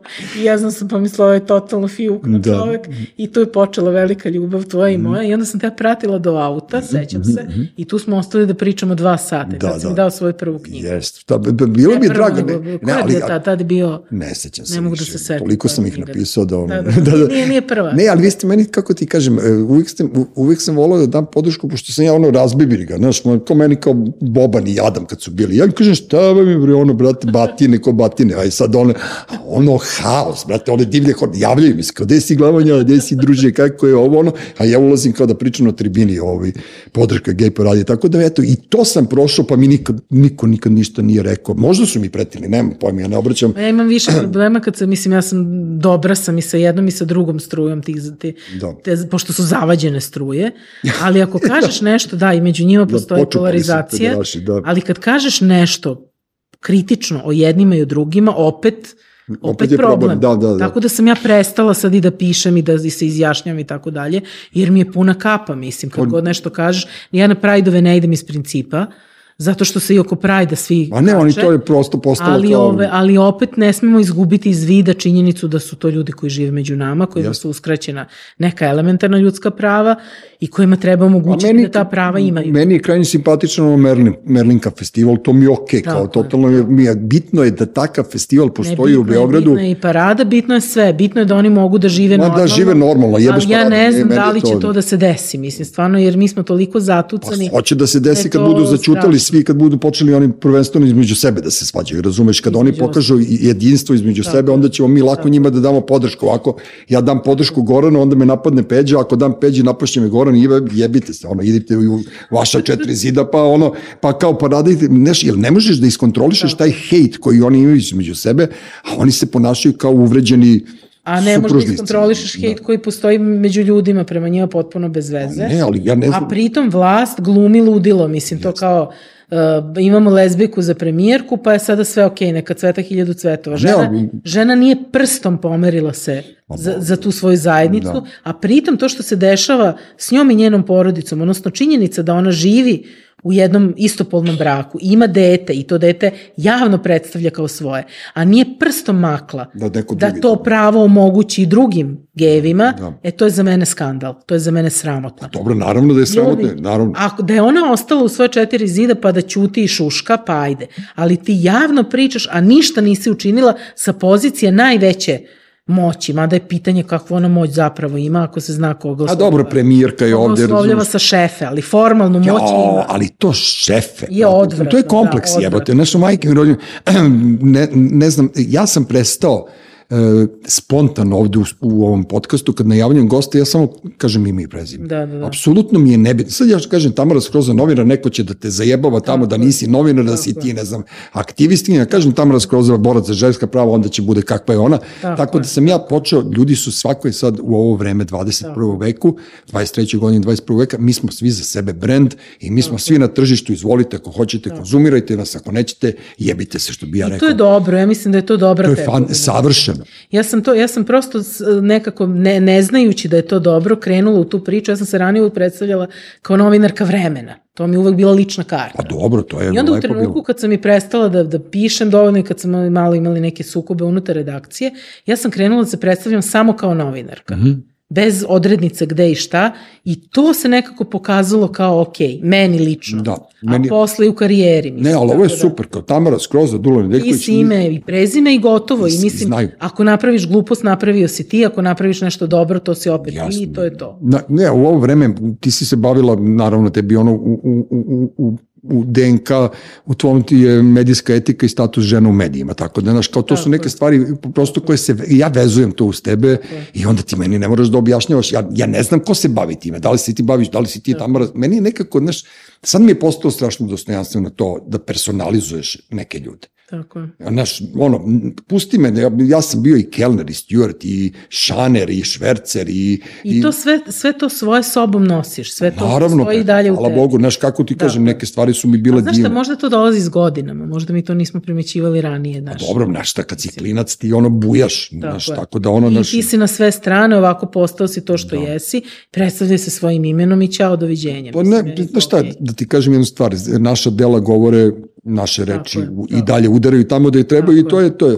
E, šta sam te da ti kažem, e, Ja sad gledam potpuno ne verujem da verujem kako si se ti spremao čovek. nisam se spremao, nego samo ono, Imaš ovih beleža kao meni, kao da Ne, spremaš za ispit. Evo čovek. sad ću da kažem, ti si alergična na hladnoću, na redove, na buku i na pokondirane tikve. Tako je. Jesmo to odradili. To je jesmo. davno bilo, Odradili tako smo, je, dobro, ali to ti je jeste, to. E, sanjaš o penziji, stadu u koza i životu bez mobilnog telefona. I to smo odradili. To, to, to Da. nikad neće biti dobro. To I voliš zalivanje cveća, prženje na suncu, kuvanje i odlazak na pijacu. Ja ne znam da je. ti voliš da kuvaš. obožavam, samo sve slabije kuvam i sve lošije kuvam, ne znam zašto. Zato što ne znaš da kuvaš. Ma nije znala sam super da kuvam, nego mislim da mi je dete ur- urušilo samopouzdanje. Ti si ko... Nije, Majke znaš kad je meni moja žena napravila punj- punjene paprike bez paprika, onda sam ja pitao, izvini, ja, šta je ono, pokaži onako vadiš papriku, tako da je ona zbrljala Pa samo da. ona, tako da, Da, to je ako si kuvarica ko Bojana, onda... Nije, nije, dobra sam, dobra sam kuvarica, jedino što moje dete slabo jede šta, tako da mi je to urušilo samopouzdanje, E, dobro. ali pijaca je ostala i dalje pijacu obožavam. Ti si bili- Pijaca mi je terapija bila od detinstva. Ja sam kao mala budila se ko veštica u, u 4 sata. A da, ti si jedna od tih, da. Da, i, ove, i onda sam u 6 sati već bila na pijaci. Mene su sve prodavačice Gde si išla? Van Beograda, pošto Su- Beogradske u pijace Somboru, rade od Somboru. 9. A, U u Somboru Somboru. kao klinka. A. U prvom razredu osnovne, drugom to Ja tad. bio na Kaliniću pre neko jutro, nisam spavao cijelo noć, gledao sam ovde nešto. se, e, ali moja mama je potpuno šokirana, moja mama koja je provela ceo život u Somboru, sad živi na Avali. Mhm. I onda kad dođe u Beograd, šokira se kako ovde pijačni život kreće tek u 9. To sam teo ti kažem, ja ovdje... Šta ovi ljudi rade? U Somboru pijaca tada, ne znam kako je sada, kretala u šest.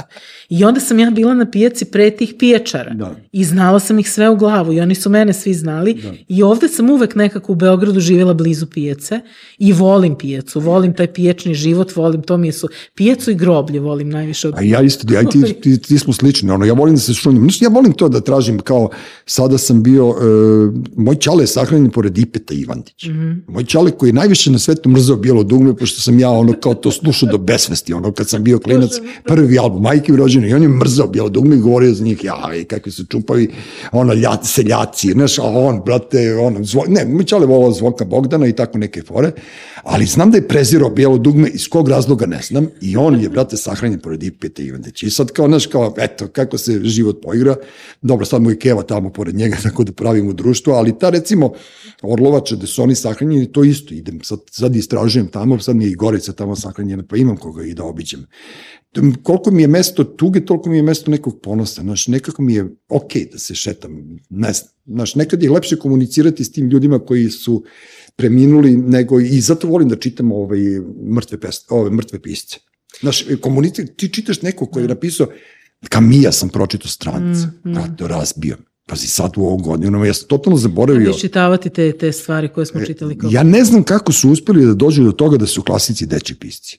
Ili smo Zato mi bili prepametna deca. A Pa ne, bili su u lektirama, pa onda to tako definišeš kao dečju literaturu. ne, ne, ali... Na, Ja bih volala Balzaka ponovo da pročitam. Volala bi crveno i crno da nisam pročitala dok je bilo lektira. Znaš ti da su meni govorili neki par ljudi za koji bi se čudili da im je taj Stendhal naj, najbolja knjiga koju su pročitali u Ja životu. se meni ostalo to velika griža savesti, jer sam ja, to je jedna od red, to i Tihi Don. Da, su jedine Dona knjige koje do nisu, 12. koje strane. nisam pročitala, koje su bile lektira, a pošto sam se tako pravila pametno i duvala se, onda sam mislila kao premazaću ja profesora, kao proći Mhm. Da, to. da. I, ove, I onda smo jedna drugarica koja je isto mnogo čitala kao i ja, i ja nismo pročitala crveno i crno, ali smo bile najaktivnije na času svejedno. I on je nas pustio, to se analiziralo po dve nedelje. I onda je posle dve nedelje na poslednjem času, Mhm. Neko je rekao, pa kao nisam ja to pročitao. Pa kaže, kakve veze ima? Evo Skroza i sad ta druga. Eto, ni one nisu pročitale, nisu su učestvovale. zaklopile usto već dve nedelje. E, znaš ti, kad sam ja bio mali, to prva, druga godina, i tad smo odgovarali korene Dobrića Ćosića, i onda kao Nedeljković i ja, ono, morali smo da ustajemo tada i ja ustanem, moma je bio profesor, i ja kao koreni, ono, znaš, gledam okolo, meni Žika Todorić kao, kunta kinte. Kunta kinte. I ja se raspričao i mene moma pusti, ovi se valjaju svi, ja stigo Kizi, Chicken George. Ja počeo da pričam od ono kao, eto, njegov unuk je posle toga dočekao slobodu i ono, moma kao sedi, ha, kao hvala ti, baš si divno prošlo. Ali ovaj potez je bio, jako šta sam uradio, sad mi ispričao sam Korane. Kako? I nisam pročitao Korane nikad, nisam čitao ništa od Dobrice Ćosića, tako da ovaj, Čitaj zanimljivo i to. Nemam vremena. Nemaš, da, ne, Nemam da, vremena. Što bi rekao Cane, kad, znaš, smeta mi. Ono, znaš, kao, šta slušaš, on kaže, ništa smeta mi. Tako da ja čitam tako, ono, sad sam uhvatio ediciju Rendeta, pa onda tu slađa me puni tim, ono, Naš, ima tu dosta e, pisaca sa teritorije stare SFRJ, pa mi je zanimljivo čitam Hrvate i Bosance i Slovence. Meni je to ono kao super, ovi naši su mi već ono suviše tople ljudske priče, ne želimo to njima da razmišljam na takav način. Ne, svi su u nekom trendu, sad je ovde trend, trend ono 19. vek, u pičku ljubim ruke, a mi se koljemo po ulicama. Daj, napišite nešto u woke kulturi, kad neko napiše neki roman distopijski, ko Milutin Pet, Milomir Petrović, onda ćemo da čitamo. Šta ste da ti kažem? Rekla si u jednom trenutku, ono što ti kažeš, rasplakaš me ovo, ono, e, negde si pomenula da ti nedostaje MSDSS. Jesi tako zvala ono? Jest. Mis, mislim da se... Možemo samo, kako bi, možemo samo se slikamo, tako? Nije, možemo samo da se smejem. Da se slikamo, bre. Kako se zvalo, Vrši? Da se Da slikamo. se možemo slikamo, samo. Možemo da slikamo. Možemo. Mo- masa- Možemo samo da se slikamo, da, da, Tako da, radilo, to je Pa, bilo... i fali, fali, mi, fali mi taj podcast, fali mi to druženje pre i posle. Ne, mi smo bili super, da. Ja nisam ni jednu epizodu slušala, nikada. Ja sebe ne slušam i ne gledam. Tako da ja ne znam kako je to zvučalo. Pa zvučalo je onako Ali vrlo, vidim, ali vrlo vidim gotivno. da su, mislim, ja dan danas, ne znam, meni stižu notifikacije Mm. da dolaze neki novi ljudi da su zapratili stranicu i to. To Mašić zaboravio da ugasi, brate, pa umro. je. Bože me sad. pa otprilike. E, I fali mi Mašić. Ah, sad, ta, znaš kao... Fali mi Mašić. E, a ovaj, Dule Mašić, e, pre nego što ti umro, poslednji put kad smo se videli, moj komentar je bio super izgledaš. To sam i tebi rekao pre neki dan, ali nemoj ti da, da, hvala. da se hvataš za moje reči, da. Tako da, ovaj, ne, mi smo sedeli u onom njegovom maršalu i pričali smo, on je bio prepun ideja, naravno, ono, ludačkih i sve to, ali kao taj MSDS je sve krenuo, kad je on mene pitao šta ti misliš o govornom radiju, kao Mm. čuku dve ljudi pričaju, sam rekao, stibre, normalno, ko će to da sluša sad?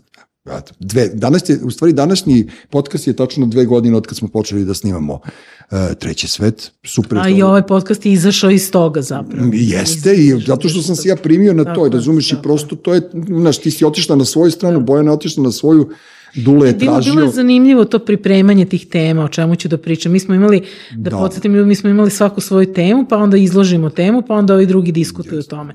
Meni je to bilo recimo zanimljivo sad ti kad kažeš groblje, u jednoj epizodi se priča o tome. Jesam, jesam. I tad smo i ti i ja otkrili da delimo tu ljubav prema groblju. Ali me, malo ste bili, vi, vas, tro, vas troje ste bili onako, i čudno je vreme bilo, uletili smo u koronu, naš, Pa jeste malo je čudno bilo- vreme, ali ja mislim da je baš lepota bila u tome što smo bili različiti. Dobro, seti se naj, najbolji podcast koji moraš da čuješ, to je onaj sa da li si ikada mene voljela, ne. A to je bilo na početku. Sad. Nije, brate, to je bila neka nova godina, je li tako? Nova godina je bila i mi smo napravili kao uh, emisiju povodom nove godine, da, da krajnje ozbiljno čestitamo ljudima novu godinu, da smo se kerebečili na to da li si ikada mene voljela, ona pesma od kneza i meni onaš kao, ne znam, taj, taj neka humanizacija tog, tog znaš, ne nije to značilo, kako ti kažem, ono vreme, brate, izolacije, sediš kući ko ludak, razumeš, i odjedno kao pričaš sa Duletom Mašićem, stavnom skrozom iz Bojnom Maljević. Pa, I to pričaš moje sreće, Zuma i to je stvarno bilo zanimljivo. moje sreće nije bilo kraja. Ali bilo je zanimljivo i ono vreme kad smo se uživo družili. Mhm.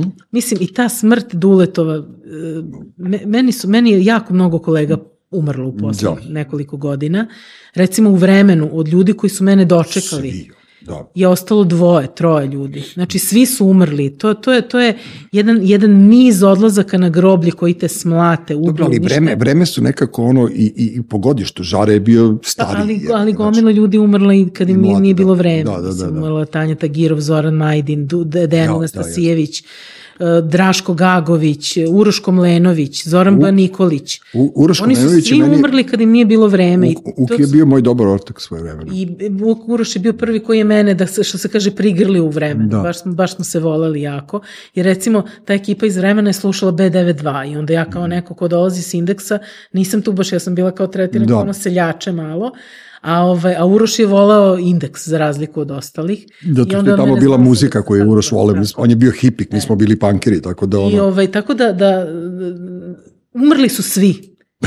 Bukvalno ja imam nekad utisak da hodam po novinarskom grobu. Da, ja da. nemam, ja evo sad imam Zorana Sekulića u fonetu i možda još jednu osobu od koje ja nešto mogu da učim i koju, koja je starija od mene. Su možeš da pratiš, ko su da. svi, svi su mlađi, ja sam sad novinarska baba, realno, sa 50 godina. Čuo ti, bre, ono. A, svi su umrli. I onda, ok, svi su umrli, nekako sam to prihvatila, Duletova smrt me sa, sastavila sa zemljom. Da. I onda je malo posle Duleta umro i Slaviša Lekić.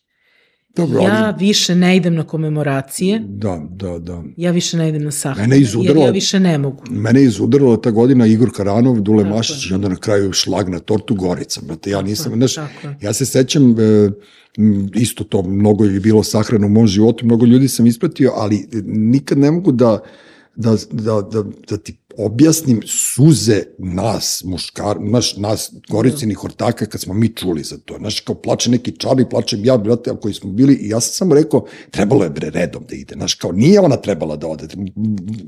Valjda onaj gore, nema pojma, nešto pomešao, bre, brate, ja sam gori od nje bio u životu i gore sam stvari radio, ali eto, to je ono, nažalost, tako i sad možemo samo da, da ne znam, da žalimo za tim ljudima u smislu da ih nećemo više fizički videti, ali njihova dela ostaju među nama. Ostaju, ali mislim, Mislim, oni fale svi, svako na svoj način. ne, Mislim, fale, meni zaista, Dule mi baš fali u smislu tih njegovih blesavih ideja koje ja u startu, koji ti, znači, uvek sam mislila šta sad ove priče bez veze. On je krenuo, on je A pokrenuo, to isp- ispostavi se kao super. Da, Dule Mašić je pokrenuo onaj moj izbor. Tako Evo sad, su, tako sad je isto to krenuo i Veljko Lalić sa- iz Nedeljnika, oni zovu to velike priče, to je sajt koji će da se bavi ozbiljni novinari da pišu ozbiljne tekstove ili ozbiljni Znači, nas kolumnisti. neće zvati. Pa naravno, te nas zovu, pa šta treba da im zatvorimo to odmah? Onog, ko, ko može bude bolji tamo od A nas ti i ja dvoje? smo bili čitani prilično na... Na, Na taj moj izbor. Da. Da. da, ja sam išao kod Maštića. Znaš da je on mene da. pitao što si kliknuo dva puta? Ja kažem, brate, pa prvi put sam kliknuo pa sam ugasio. Pa sam Jeste, zato da, bio onaj formular, ono teško Ne, kao, znaš, kao ja kaoAo, sam sebi nabijam čitanje. Ne, kao klik,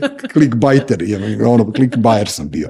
Ovaj, ne, to je bilo onako vrlo razredno, ali su ga mnogi minirali Jeste. i ovaj, nisu hteli da se uključe u tu priču. Prvo što je bilo besplatna, a drugo što je bila je. Ljudi se e, stide. Razumeš ti, jel ti danas, vidiš, ja nekad vidim neke tekstove nekih ljudi, ja umrem od smeha. Oni su, ne, ne, ne to što su nepismeni, nego niste zanimljivi, dosadni su. Znaš, meni, ja sam se strašno plašio da ne budem nekom dosadan u životu, naročito se strašno plašim da bude moje ženi dosadan. Ali ona se stalno smeje sa mnom, tako da nisam, to je meni, na- znaš, meni, mene dave dosadni ljudi. Znaš, kao, ne mogu, ja nemam živac za to i onda možda zato deluje da nemam strpljenje, inače ja imam, ši, ja volim Ja uvek, kučkare. ja uvek takve ljude poredim, meni, ja volim Harry Pottera, to će Da. da. da iznenadi, pa ima u onom jednom serijalu ni dementori koji sisavaju životnu radost iz čoveka. Dobro, E, to. mene kad tako neko strefi, ja imam bukvalno osjećaj kao da izvlači iz mene zadnju onu Popije trunku da. životne radosti, popije mi i ostavi ljuštoru. Da, da, da, pa A ne, nema ko da me spasi kao Harry Potter. Imao sam ja super stvar, e, imao smo, imali smo druga koga smo zvali Sima Strahota, pošto je strašno puno pričao i davio je ljude na sve strane, a imali smo s druge Više strane... i od tebe. E, da, da, više. Ne, on, on je davio, ja davim na drugi način. pričaš, Ja, me, od ne- mene ne čovjek može ne da izvuče nešto i pametno. Ali Sima je bio smor najveći. A imali smo, njegov pandan je, e, female, e, Sima je bila Milica koju smo zvali Castro, pošto Milica kad krene da priča, ona ko Castro, brate, po 11 sati. Koliko sam neiskusno letao u zamku Kosovska ulica, bivši mu, muzej kinoteke, srećem Milicu koju sam mnogo volao, ja kao desit, smog smo, e ona kaže, jao, znaš koga sam srela? I ja kažem, koga? Ona kaže, Simu Strahotu. I onda mi prepriča žvaku šta je njoj Sima Strahota pričao, ja, ja sam iscurao na ulici. I bio sam upoznan, Mico, jebala si mi kevu, aj čao i gotovo. Tako da ono, ali dobro, znaš, ti naši ljudi koji dave, neka pustiš ih, nekad možda nekom budeš i terapija. Ma budeš samo što, mislim, u toj prezasićenosti informacijama i u prezasićenosti poslom, Da. ti ne, ne, nemaš više živce. Ja ne mogu ljudima, bliskim ljudima da objasnim da ja ne mogu više da idem na kafe. Ja nemam kad da idem na kafu. Dobro, to i to Evo mi smo i sad ovo pomerali vreme snimanja zato što je meni iskrslo nešto du, duplo bukirana i to. Bukvalno ne možeš, ne možeš ljudima da objasniš, e, ja nemam vremena da pričam. Nemam, a i kad imam vremena više nemam živce. Dobro, Ali i sve to kad se sabere, to znači da mi živimo nenormalnim životom. I legitimno je slagati da nemaš vremena. Tako da meni to nije problem. Ma dobro, mislim, svako, svako od nas laže. Pre, pre neko večer moja žena isto bila to fa- fazonu, idi zvoni, idi zvoni na vrata, idi zvoni na vrata. Ja počnem da se smijem i naravno da ne odem da zvonim na vrata, pošto ono kao što si se javljalo, otprilike da, tako da svi imamo mi te svoje muke kroz koje prolazimo. Reci mi samo ono, neću više da, da te davim, ajde da odemo pre ponoći, ovaj, ipak i 8. mart, to je međunarodni praznik žena. Ja sam smislio čak i pesmicu, umrla je Cetkin Klara, umrla je Luksemburg Roza, ostala nam je Tamara Skroza, tako da ću ja da napravim tu i neki rep. Sad bi domaće feministke imale šta da kažu. No. Ma ne kaže šta hoće, baš me briga. Ja, ja sam veći feministi od svih njih zajedno. Tako da ono, šta misliš o ovome mm, na RTS-u? Da li je to uvod u bujketu u penziju ili će tu stvarno nešto ozbiljno da se raščiva? Bujk ima godine da ide u penziju. Mislim, A ne, znam nego ovo će sad ga nameš- otišao u penziju, već 100 godina je trebalo. Zato što da im treba da sedi tamo neko ko će da Pa ja amire ne znam njihove šta je ovo. šeme. Evo vidiš da sad kako je buknulo, tako jednom više niko ništa ne priča o tome, a to i dalje sve traje. A nažalost, zato što je Azdejković pokrenuo celu priču, a on, ne, kako ti kažem, ne ode, ne ode da je ozbiljan. Znaš, mislim, ljudi misle da se on, on dosta puta ima tu kao kontroverzna nastupe, pa nešto se zajebava, pa onda je neozbiljan u nekom tom... On je, on je vešt u medijskoj manipulaciji. Jeste, to je, to ali on je, to kre- ako je da. pokrenuo ovu priču, ali vidim da je usamljen, znaš, nikomu, nikomu, ne daje, nikomu ne daje vetar u leđa, a ja ne mogu da mu dam vetar u leđa, nemam pojma čemu se dešava. Će se zavadio sad i unutar upravnog odbora, nisi ispratio. Baš sa je u Klanščikom? sukobu, ne, ne, ne, sad je u sukobu sa Bazduljem. Ja, Tako da, ove, zato što je isprozivo da je Bazdulja da mu je RTS finansirao knjigu, ovaj to demantuje pa najavio tužbu, pa su pre neki dan bili da li na N1 ili negde, to je potpuno spektakularno, ide unazad premotavanje. Bazdulj i Vezdejković zajedno. Bazdulj i Vezdejković zajedno, pa jed, znači samo što se nisu poklali, ali sve na finjaka, Pa sve dobro, fino, dobro. fini jedan, fini drugi, tako da je tu sad hiljadu nekih, ne znam šta će biti, Mhm. Meni se kontekst ne dopada, meni se e, ne dopada što, što, što se to dešava, mi se ne dopada ni kako je to Mene je sramota. obznanjeno. Mene je sramota. I sramota i sve ostalo. Ovaj, I kad ti vidiš kako taj program izgleda, koliko tu para kruži, ti se pitaš kako, majko Da, da. i odakle to i šta je to. Mislim, ok, RTS plaća neko, nekoga XY miliona tantuza, ali otkud ti tantuzi, otkud te pare, otkud to, šta mene, je to? od nas je. Pa da li je moguće da je to toliko novca? Pa nije, peru se pare, pa mislim, ne, nešto Mislim, jeste... to, to me zanima i to Ne. me zanima, a to, a to nekako nije dodirnuto i čini mi se da neće ni biti dodirnuto, jer mi je prosto neverovatno da se to kroz pretplatu tolike pare sliju. Da ti kažem jednu stvar, oni pojedini zarađuju jako puno. Mislim, to se zna. Evo sad ove produkcije, privatne Dobro, i to se glumci. zna dovoljno da ih vidiš na ulici, pa ti jasno To da ti zarađuju. kažem, pogledaj mi Instagram, ono kakvi su ljaljovi bili do Ovako pre su ko 10 ti i godina. ja. Normalno. A ne, to sam teo ti kažem, ali vidiš, gledao sam Južni vetar sa klincima, sa Mhm. sinom, u stvari čerka tu malo iskulirala. Meni je to ono, veća subverzija nego u dnevniku da kažeš Vučić ne valja.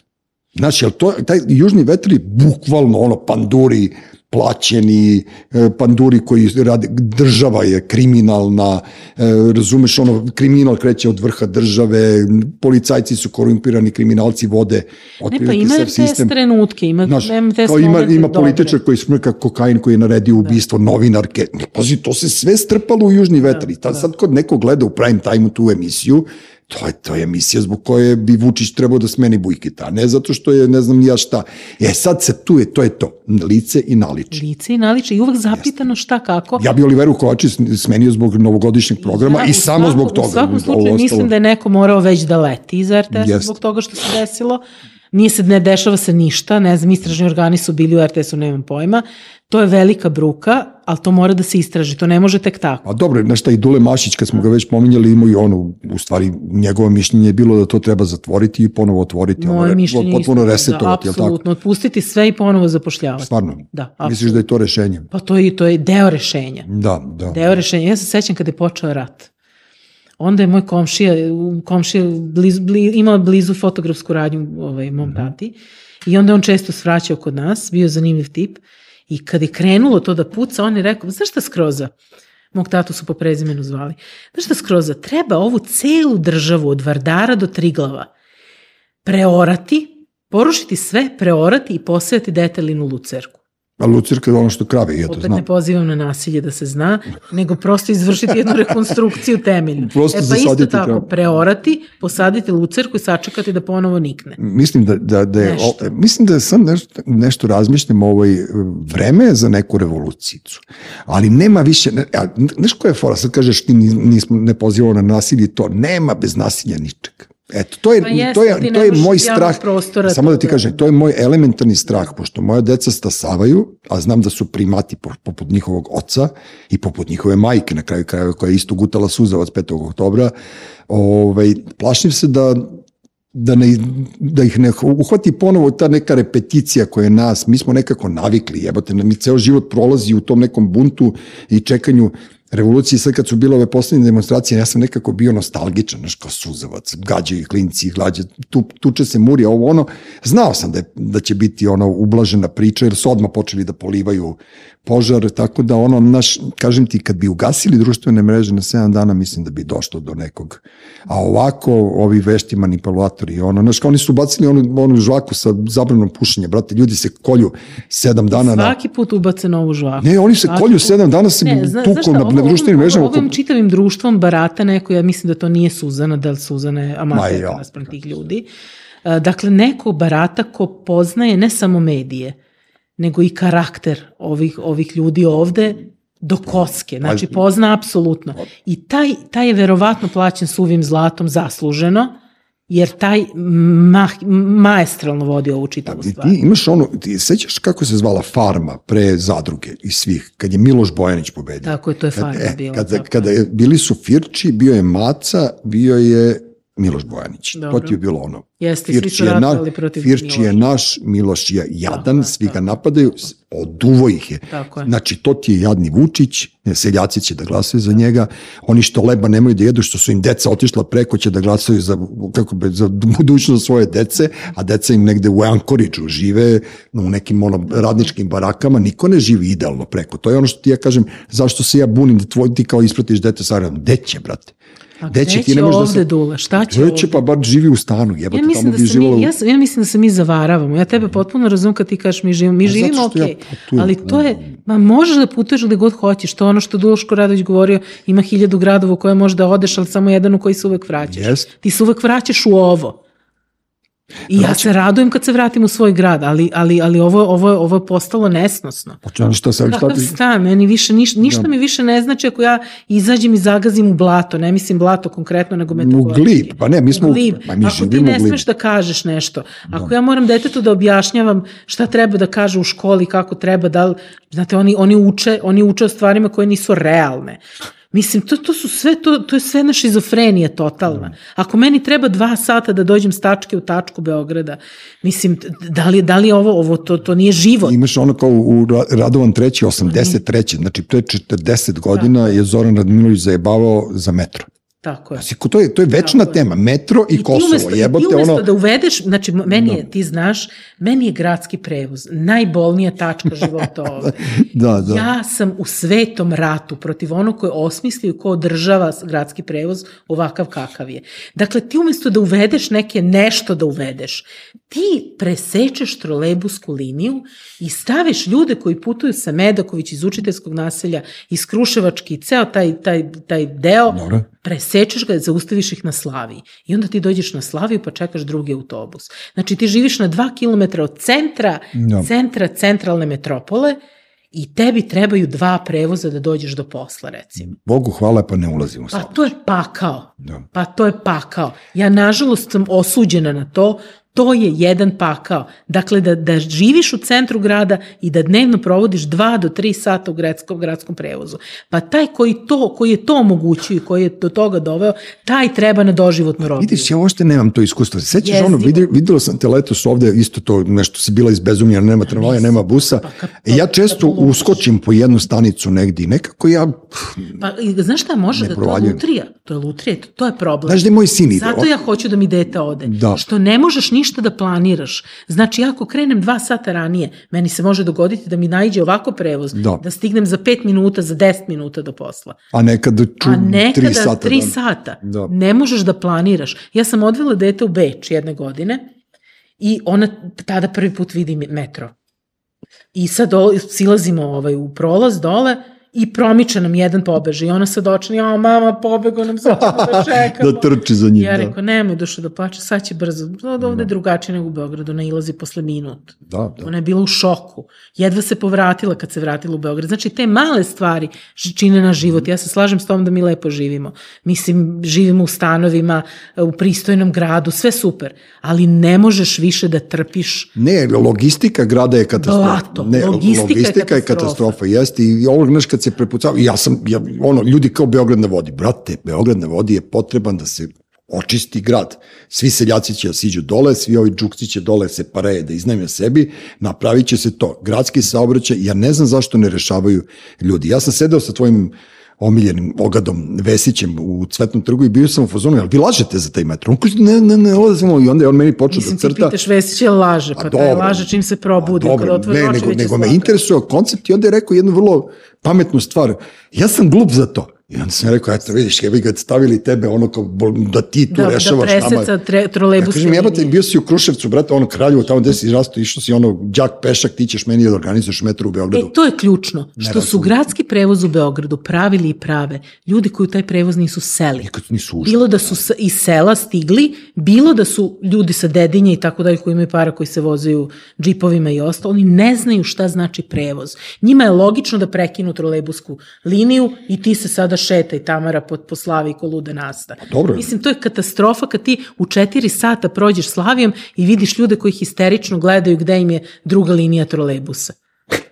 A ne, ali to mi, ja Centar znam, grada. Ja, izvini, sad sam se setio da, ti izlaziš negde iz onog, pa prelaziš onaj prelaz. Izlaziš, znači Da. sla, na Znam, znam. Slavi, izađeš iz trolebusa, pređeš Beogradsku, pa čekaš drugu liniju posle okretanja. da, da. A kad se vraćaš iz grada, onda te vozi 30 kec ili tako nešto do Slavije i onda čekaš. Onda čekaš. Jo, da li će doći 29 kako da. da. vozi od studentskog trga ili ćeš da, ni sad da ne komplikujem ljudima koji ne znaju, nije ni bitno. Dovoljno- svakom ne, slučaju, ali- logistički pakao. Dovoljno to, je- da to je čuju- psihopata osmislio. Da, dovoljno je da čuje ovo što si ti rekla da im pozli, tako da ne moraju da se vode, voze gradskim saobraćajem, da, da shvate da je ovo jedan ludački ringišpil, ali brate, znaš šta, da živim na nekom mirnom mestu, ono razmišljam u Tronheimu, pa kao 17 jezera, ja bi umro do sada, tako da ajde, bolje. A znaš šta, našlo bi nešto drugo, nerviralo bi se oko lisnih vaša, da da mi je muškatla napadnuta mi nije napadnuta, da li mi je paradajz uspeo, nije mi uspeo, zašto mi je Jesi kosa bila- jesi- podivljala. čekaj samo Tako, ne sek- bi se nervirala oko Vučića i gradskog prevoza. Jesi bila nekad na koncertu Đorđe Balašević, Jesam, naravno. a Metalike? Ne. A ti, znaš ti, meni, Meni, ti, meni koncerti inače ne prijaju. Ja sam bila na koncertu Ramba Madeusa, Dobro. recimo 93. u KST-u i pala sam u nesvest u muškom WC-u i sanjala sam, sanjala sam. Sanjala Ja ne znam da li si nekad pao u nesvest. ali Ne, imaš hvala različite. Ja sam u više navrata padala. Dobro. I ovaj, imaš ili gubiš svest potpuno, znači Ne znaš, blackout, toneš, blackout, umro si, ili imaš san. Ali taj san je, nikad ja takav san nisam imala pravi san. Ozbiljno. Tako živ i ozbiljan. Dakle, meni je pozlilo na koncertu. Ovo, objašnjam zašto ne volim koncerte. Mhm. Pozvao mi koncertu, duvalo se mnogo i pušilo oko mene i zatvoreni prostor, već kakav je KST. I mene su moji drugari odvukli, pošto su svi bili muškarci u muškinice. Muškinac, da. I ja sam tamo pala, bukvalno pala u sve ono, onu povraćku i ono sve. I sanjala sam kako me streljaju. Ma daj, bre. Da, i u trenutku kada su me probudili, to je bilo to, to Tane koja me ubila, Aha. ubija i ja imamo taj panični strah od tih koncerta, od tih masovnih okupljanja, te ja nisam u tom smislu išla uopšte na koncerte, sem na Đorđe Balaševića Da. i na nove fosile. Tako da ja sam izrod ovoj tvojoj emisiji, ja sam potpuni izrod u tvojoj Ne, ali šta Mašić koji išao, pokojni Mašić, kad sam ga pitao, ono 20 godina živo u Londonu, šta si gledao tamo? On kaže, "Pa šta, kako mi šta sam gledao? Pa od koncerta, pa kao bio sam na Bajagi jedno. E, pa bukvalno, ono tako. kao, jedno, bukvalno tako. Neko, ja ne volim koncerte. bio sam na Bajagi 20 godina živo u Londonu, tako da Pa ono, da, neko ne voli. Ja vola bi možda da mi je drugačije bilo, ali taj Rambo me dotukao. Pa A dobro, Rambo Rambo svakog A. Ramba obožavam, Da. apsolutno. Rambo svakog može da dotuče, neiskusnim kolegama bih rekao, ne zovite ga u radio emisiji, pošto on sve vreme ćuti.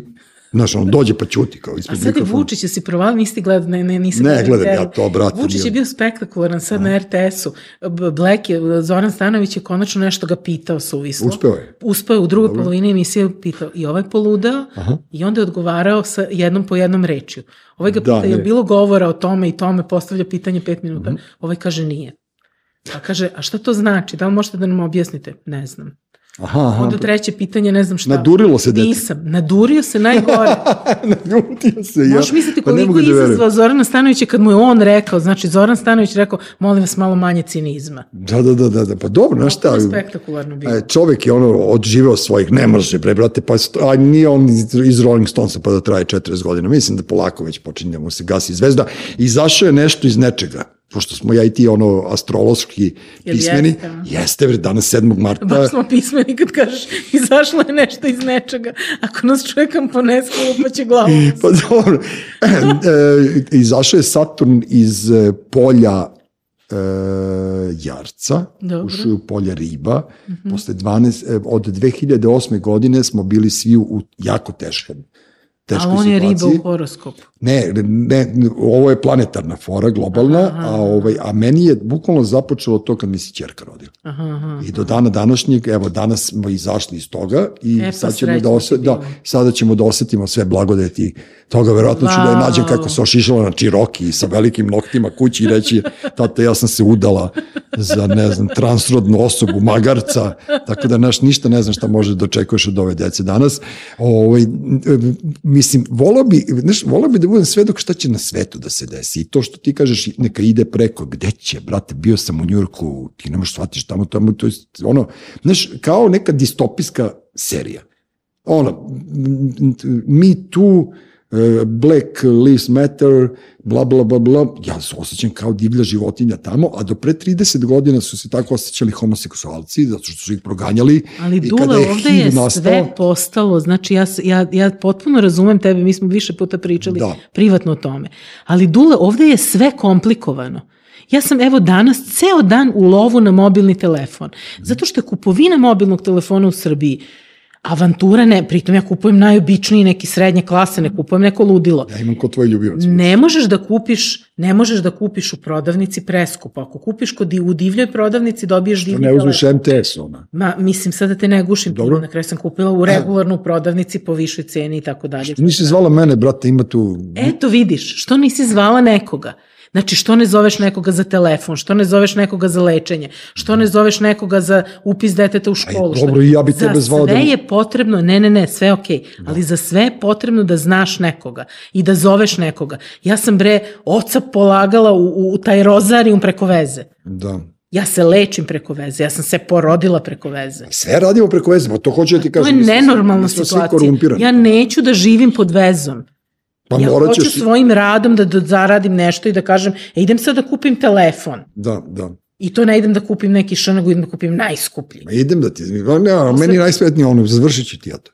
Pa mislim, ja, ja odlepim od toga. Da. Da. Hoću da mi dete živi u državi gde ne mora da povlači veze i gde ne mora da preseda na Slaviji. Što bi rekao Cane, ne želim da živim hiljadu godina. Hoću sad i hoću sve, ali mi ćemo ono, mi ćemo u skladu sa pesmom Đorđe Balaševića, kako beše, cvajna, ona cvetak za novetak, ne, to je cvetak. Ne, ne, ne, ima, e, sad baš pomešaš Đorđe Balaševića. i Čekaj bre, kako mu se zove ono, e, u ime svih nas iz... 50 i neki. To je računajte na nas. Zakletvu Titu, ja spevao sam Pa si stih. plakala na Titu. Jesam, uvek pevam na. Đole, Đole ovaj, pevao ne, ne, Titu. ne, ima, ima bolje, ima bolji završetak u Somboru, često pominjenom, sada ima sunčani sat Mhm. Dobro. Gde na dva jezika piše, znači pokazuje ti, anđeo ti pokazuje neke sate po, po, po suncu i piše jedan od ovih ti je poslednji. Au je. E, tako. Tako gde da- si ti rasla, brate. Dobro, dobro, dobro, dobro, Dobro si živo. dobro si živa, sine, ti kad padneš u nesvest tebe streljaju, tako da ona tebi ne, nema. smo pričali o smrti ti ja i o groblju. Najviše smo o tome pričali. Je. Mi smo satanisti, Užas, zato što smo satanisti. Nadam se da će neko umreti. Užas. Ako nas bude hejtovao, svi koji ste nas hejtovali, vi znate, morate da shvatite da Doći ćete... ćemo sad. Doći ćemo na saranu. Što bi rekla ona baba u crkvi, znaš kao, zašto se smejete? Ono kao, pa svima sam im došla glave. To je to. Znaš kao, umrla je poslednja ono iz, Bože, iz mesta. Ma ne, ko se ne šali i ko nije ono kao, ne znam, prema sebi duhovit, on nije duhovit ni, ni dobar ni u životu. Smrt je jedna od sastavnih delova toga. Toliko smo to, toga doživjeli i proživjeli u poslednje vreme da ne- nekad pomislim, brate, da ja više znam ljudi koji su premirali nego živih. I onda je to te Tako prosto neminovnost da ti pričaš o tome kao, i kaže moj najbolji ortak, kaže, što bi rekao pokojni Šestić, pričamo sad za neke futbolere, ja kažem, Charlie bre nije umro Šestić. On kao, jo, jo, jo, jo. I onda nastavio priča, kao, što bi rekao pokojni Borovnice. Kaže, Charlie nije umro Borovnice. On kao, ide, ne zna, više mi ne znamo, znaš, odjednom se pojave neki ljudi za koje nisi znao, znaš, kao, znaš, ono kad ti kažu, ti si živ, kao, e, dobro je, kao, još uvek si živ, znaš, kao, kako si, znaš, moje omiljene je ono kako si bio lep. To mi je, to mi je ono fa- favorit i zbog toga se šetam po gradu. Što bi rekla moja supruga, ideš opet da skupljaš lajkove sa kučetom, tako da naš, to ti je to. Tamara Skroza je bila gošća, e, emisiju smo snimali 7. na 8. mart na veliki praznik koje su njene e, borkinje koje su pre nje bile ovaj, osvojile kao Međunarodni dan žena. Ja prosto, ja, ja ne mogu da verujem da je do pre recimo 50 do 60 do 100 godina ste bi bile kao ženski rod bio potpuno obespravljen. I meni Nije to kad... 50-60 ima, i I manje. kraće, i kraće, da, ja, Tako ja sam je. potpuno ono, znaš, meni su žene ono kao sastavni deo života. Ja mnogo volim moje drugarice, ja mnogo volim moju suprugu, ja sam mnogo volio Volim moju majku. majku, tako. Da, znaš kao prosto čerku, znaš kao ljudi, ono, to je, to je nek, neki kvalitet. jel- Jako, jako, se, jako se teško izvojevala Znaš, ta- ranije ono kao ja se sećam, jebote, kao naš, nešto moja strina progovori, a onda je neko kaže čuti tu. Tako je. I sad su žene progovorile i žene su ono, kako ti kažeš, svežaste. I, I mnogo toga imate da ispričate i mnogo je interesantno polemisati sa ženama lakše nego s muškarcima. Šta mi sad ono, o tučama, o utakmicama, o ne znam nija čemu. A svetu je potrebno i jedan i drugi pol, mislim, tu nema svako, donosi svoj kvalitet, ali e, ta, ta, te, to, to minimum ljudskih prava je teško se izborio, iz, Mm, teško smo se izborile za njega, a vrlo lako može da se izgubi. Ma nećete. Mi vidimo da pola Evrope već gubi deo prava Da. i meni uvek ova distopijska priča o sluškinjina, sluškinjina priča jeziva, ne znam da li si gledao. Ja, ili e, rekla mi je žena nisam. Mislim da to treba da budu, bar prve dve sezone, treba da bude obavezna lektira u, u školama. Dobro. To bi trebalo organizovano da se gleda. Sluškinjina priča. Da, da, bez obzira na užasne scene koje tamo postoje, prosto da bi se ljudi, da bi ljudi shvatili koliko je lako izgubiti slobodu. Dakle, one su izgubile u toj priči potpuno logično, potpuno očekivano slobodu u trenutku. I to je meni jezivo i to, to mi je ono jedan od najvećih strahova. Da mi životom u ovom društvu ćemo i taj deo sloboda izgubiti preko noći. Da. To me plaši, ali nadam se da sam u krivu. E, u krivu si, pošto dolazi moj sin. Evo, samo pogledaj poruku. Imate najboljeg sina na svetu. Hvala lepo. Njegove drugarice majke koju je uzeo u zaštitu pre neki dan.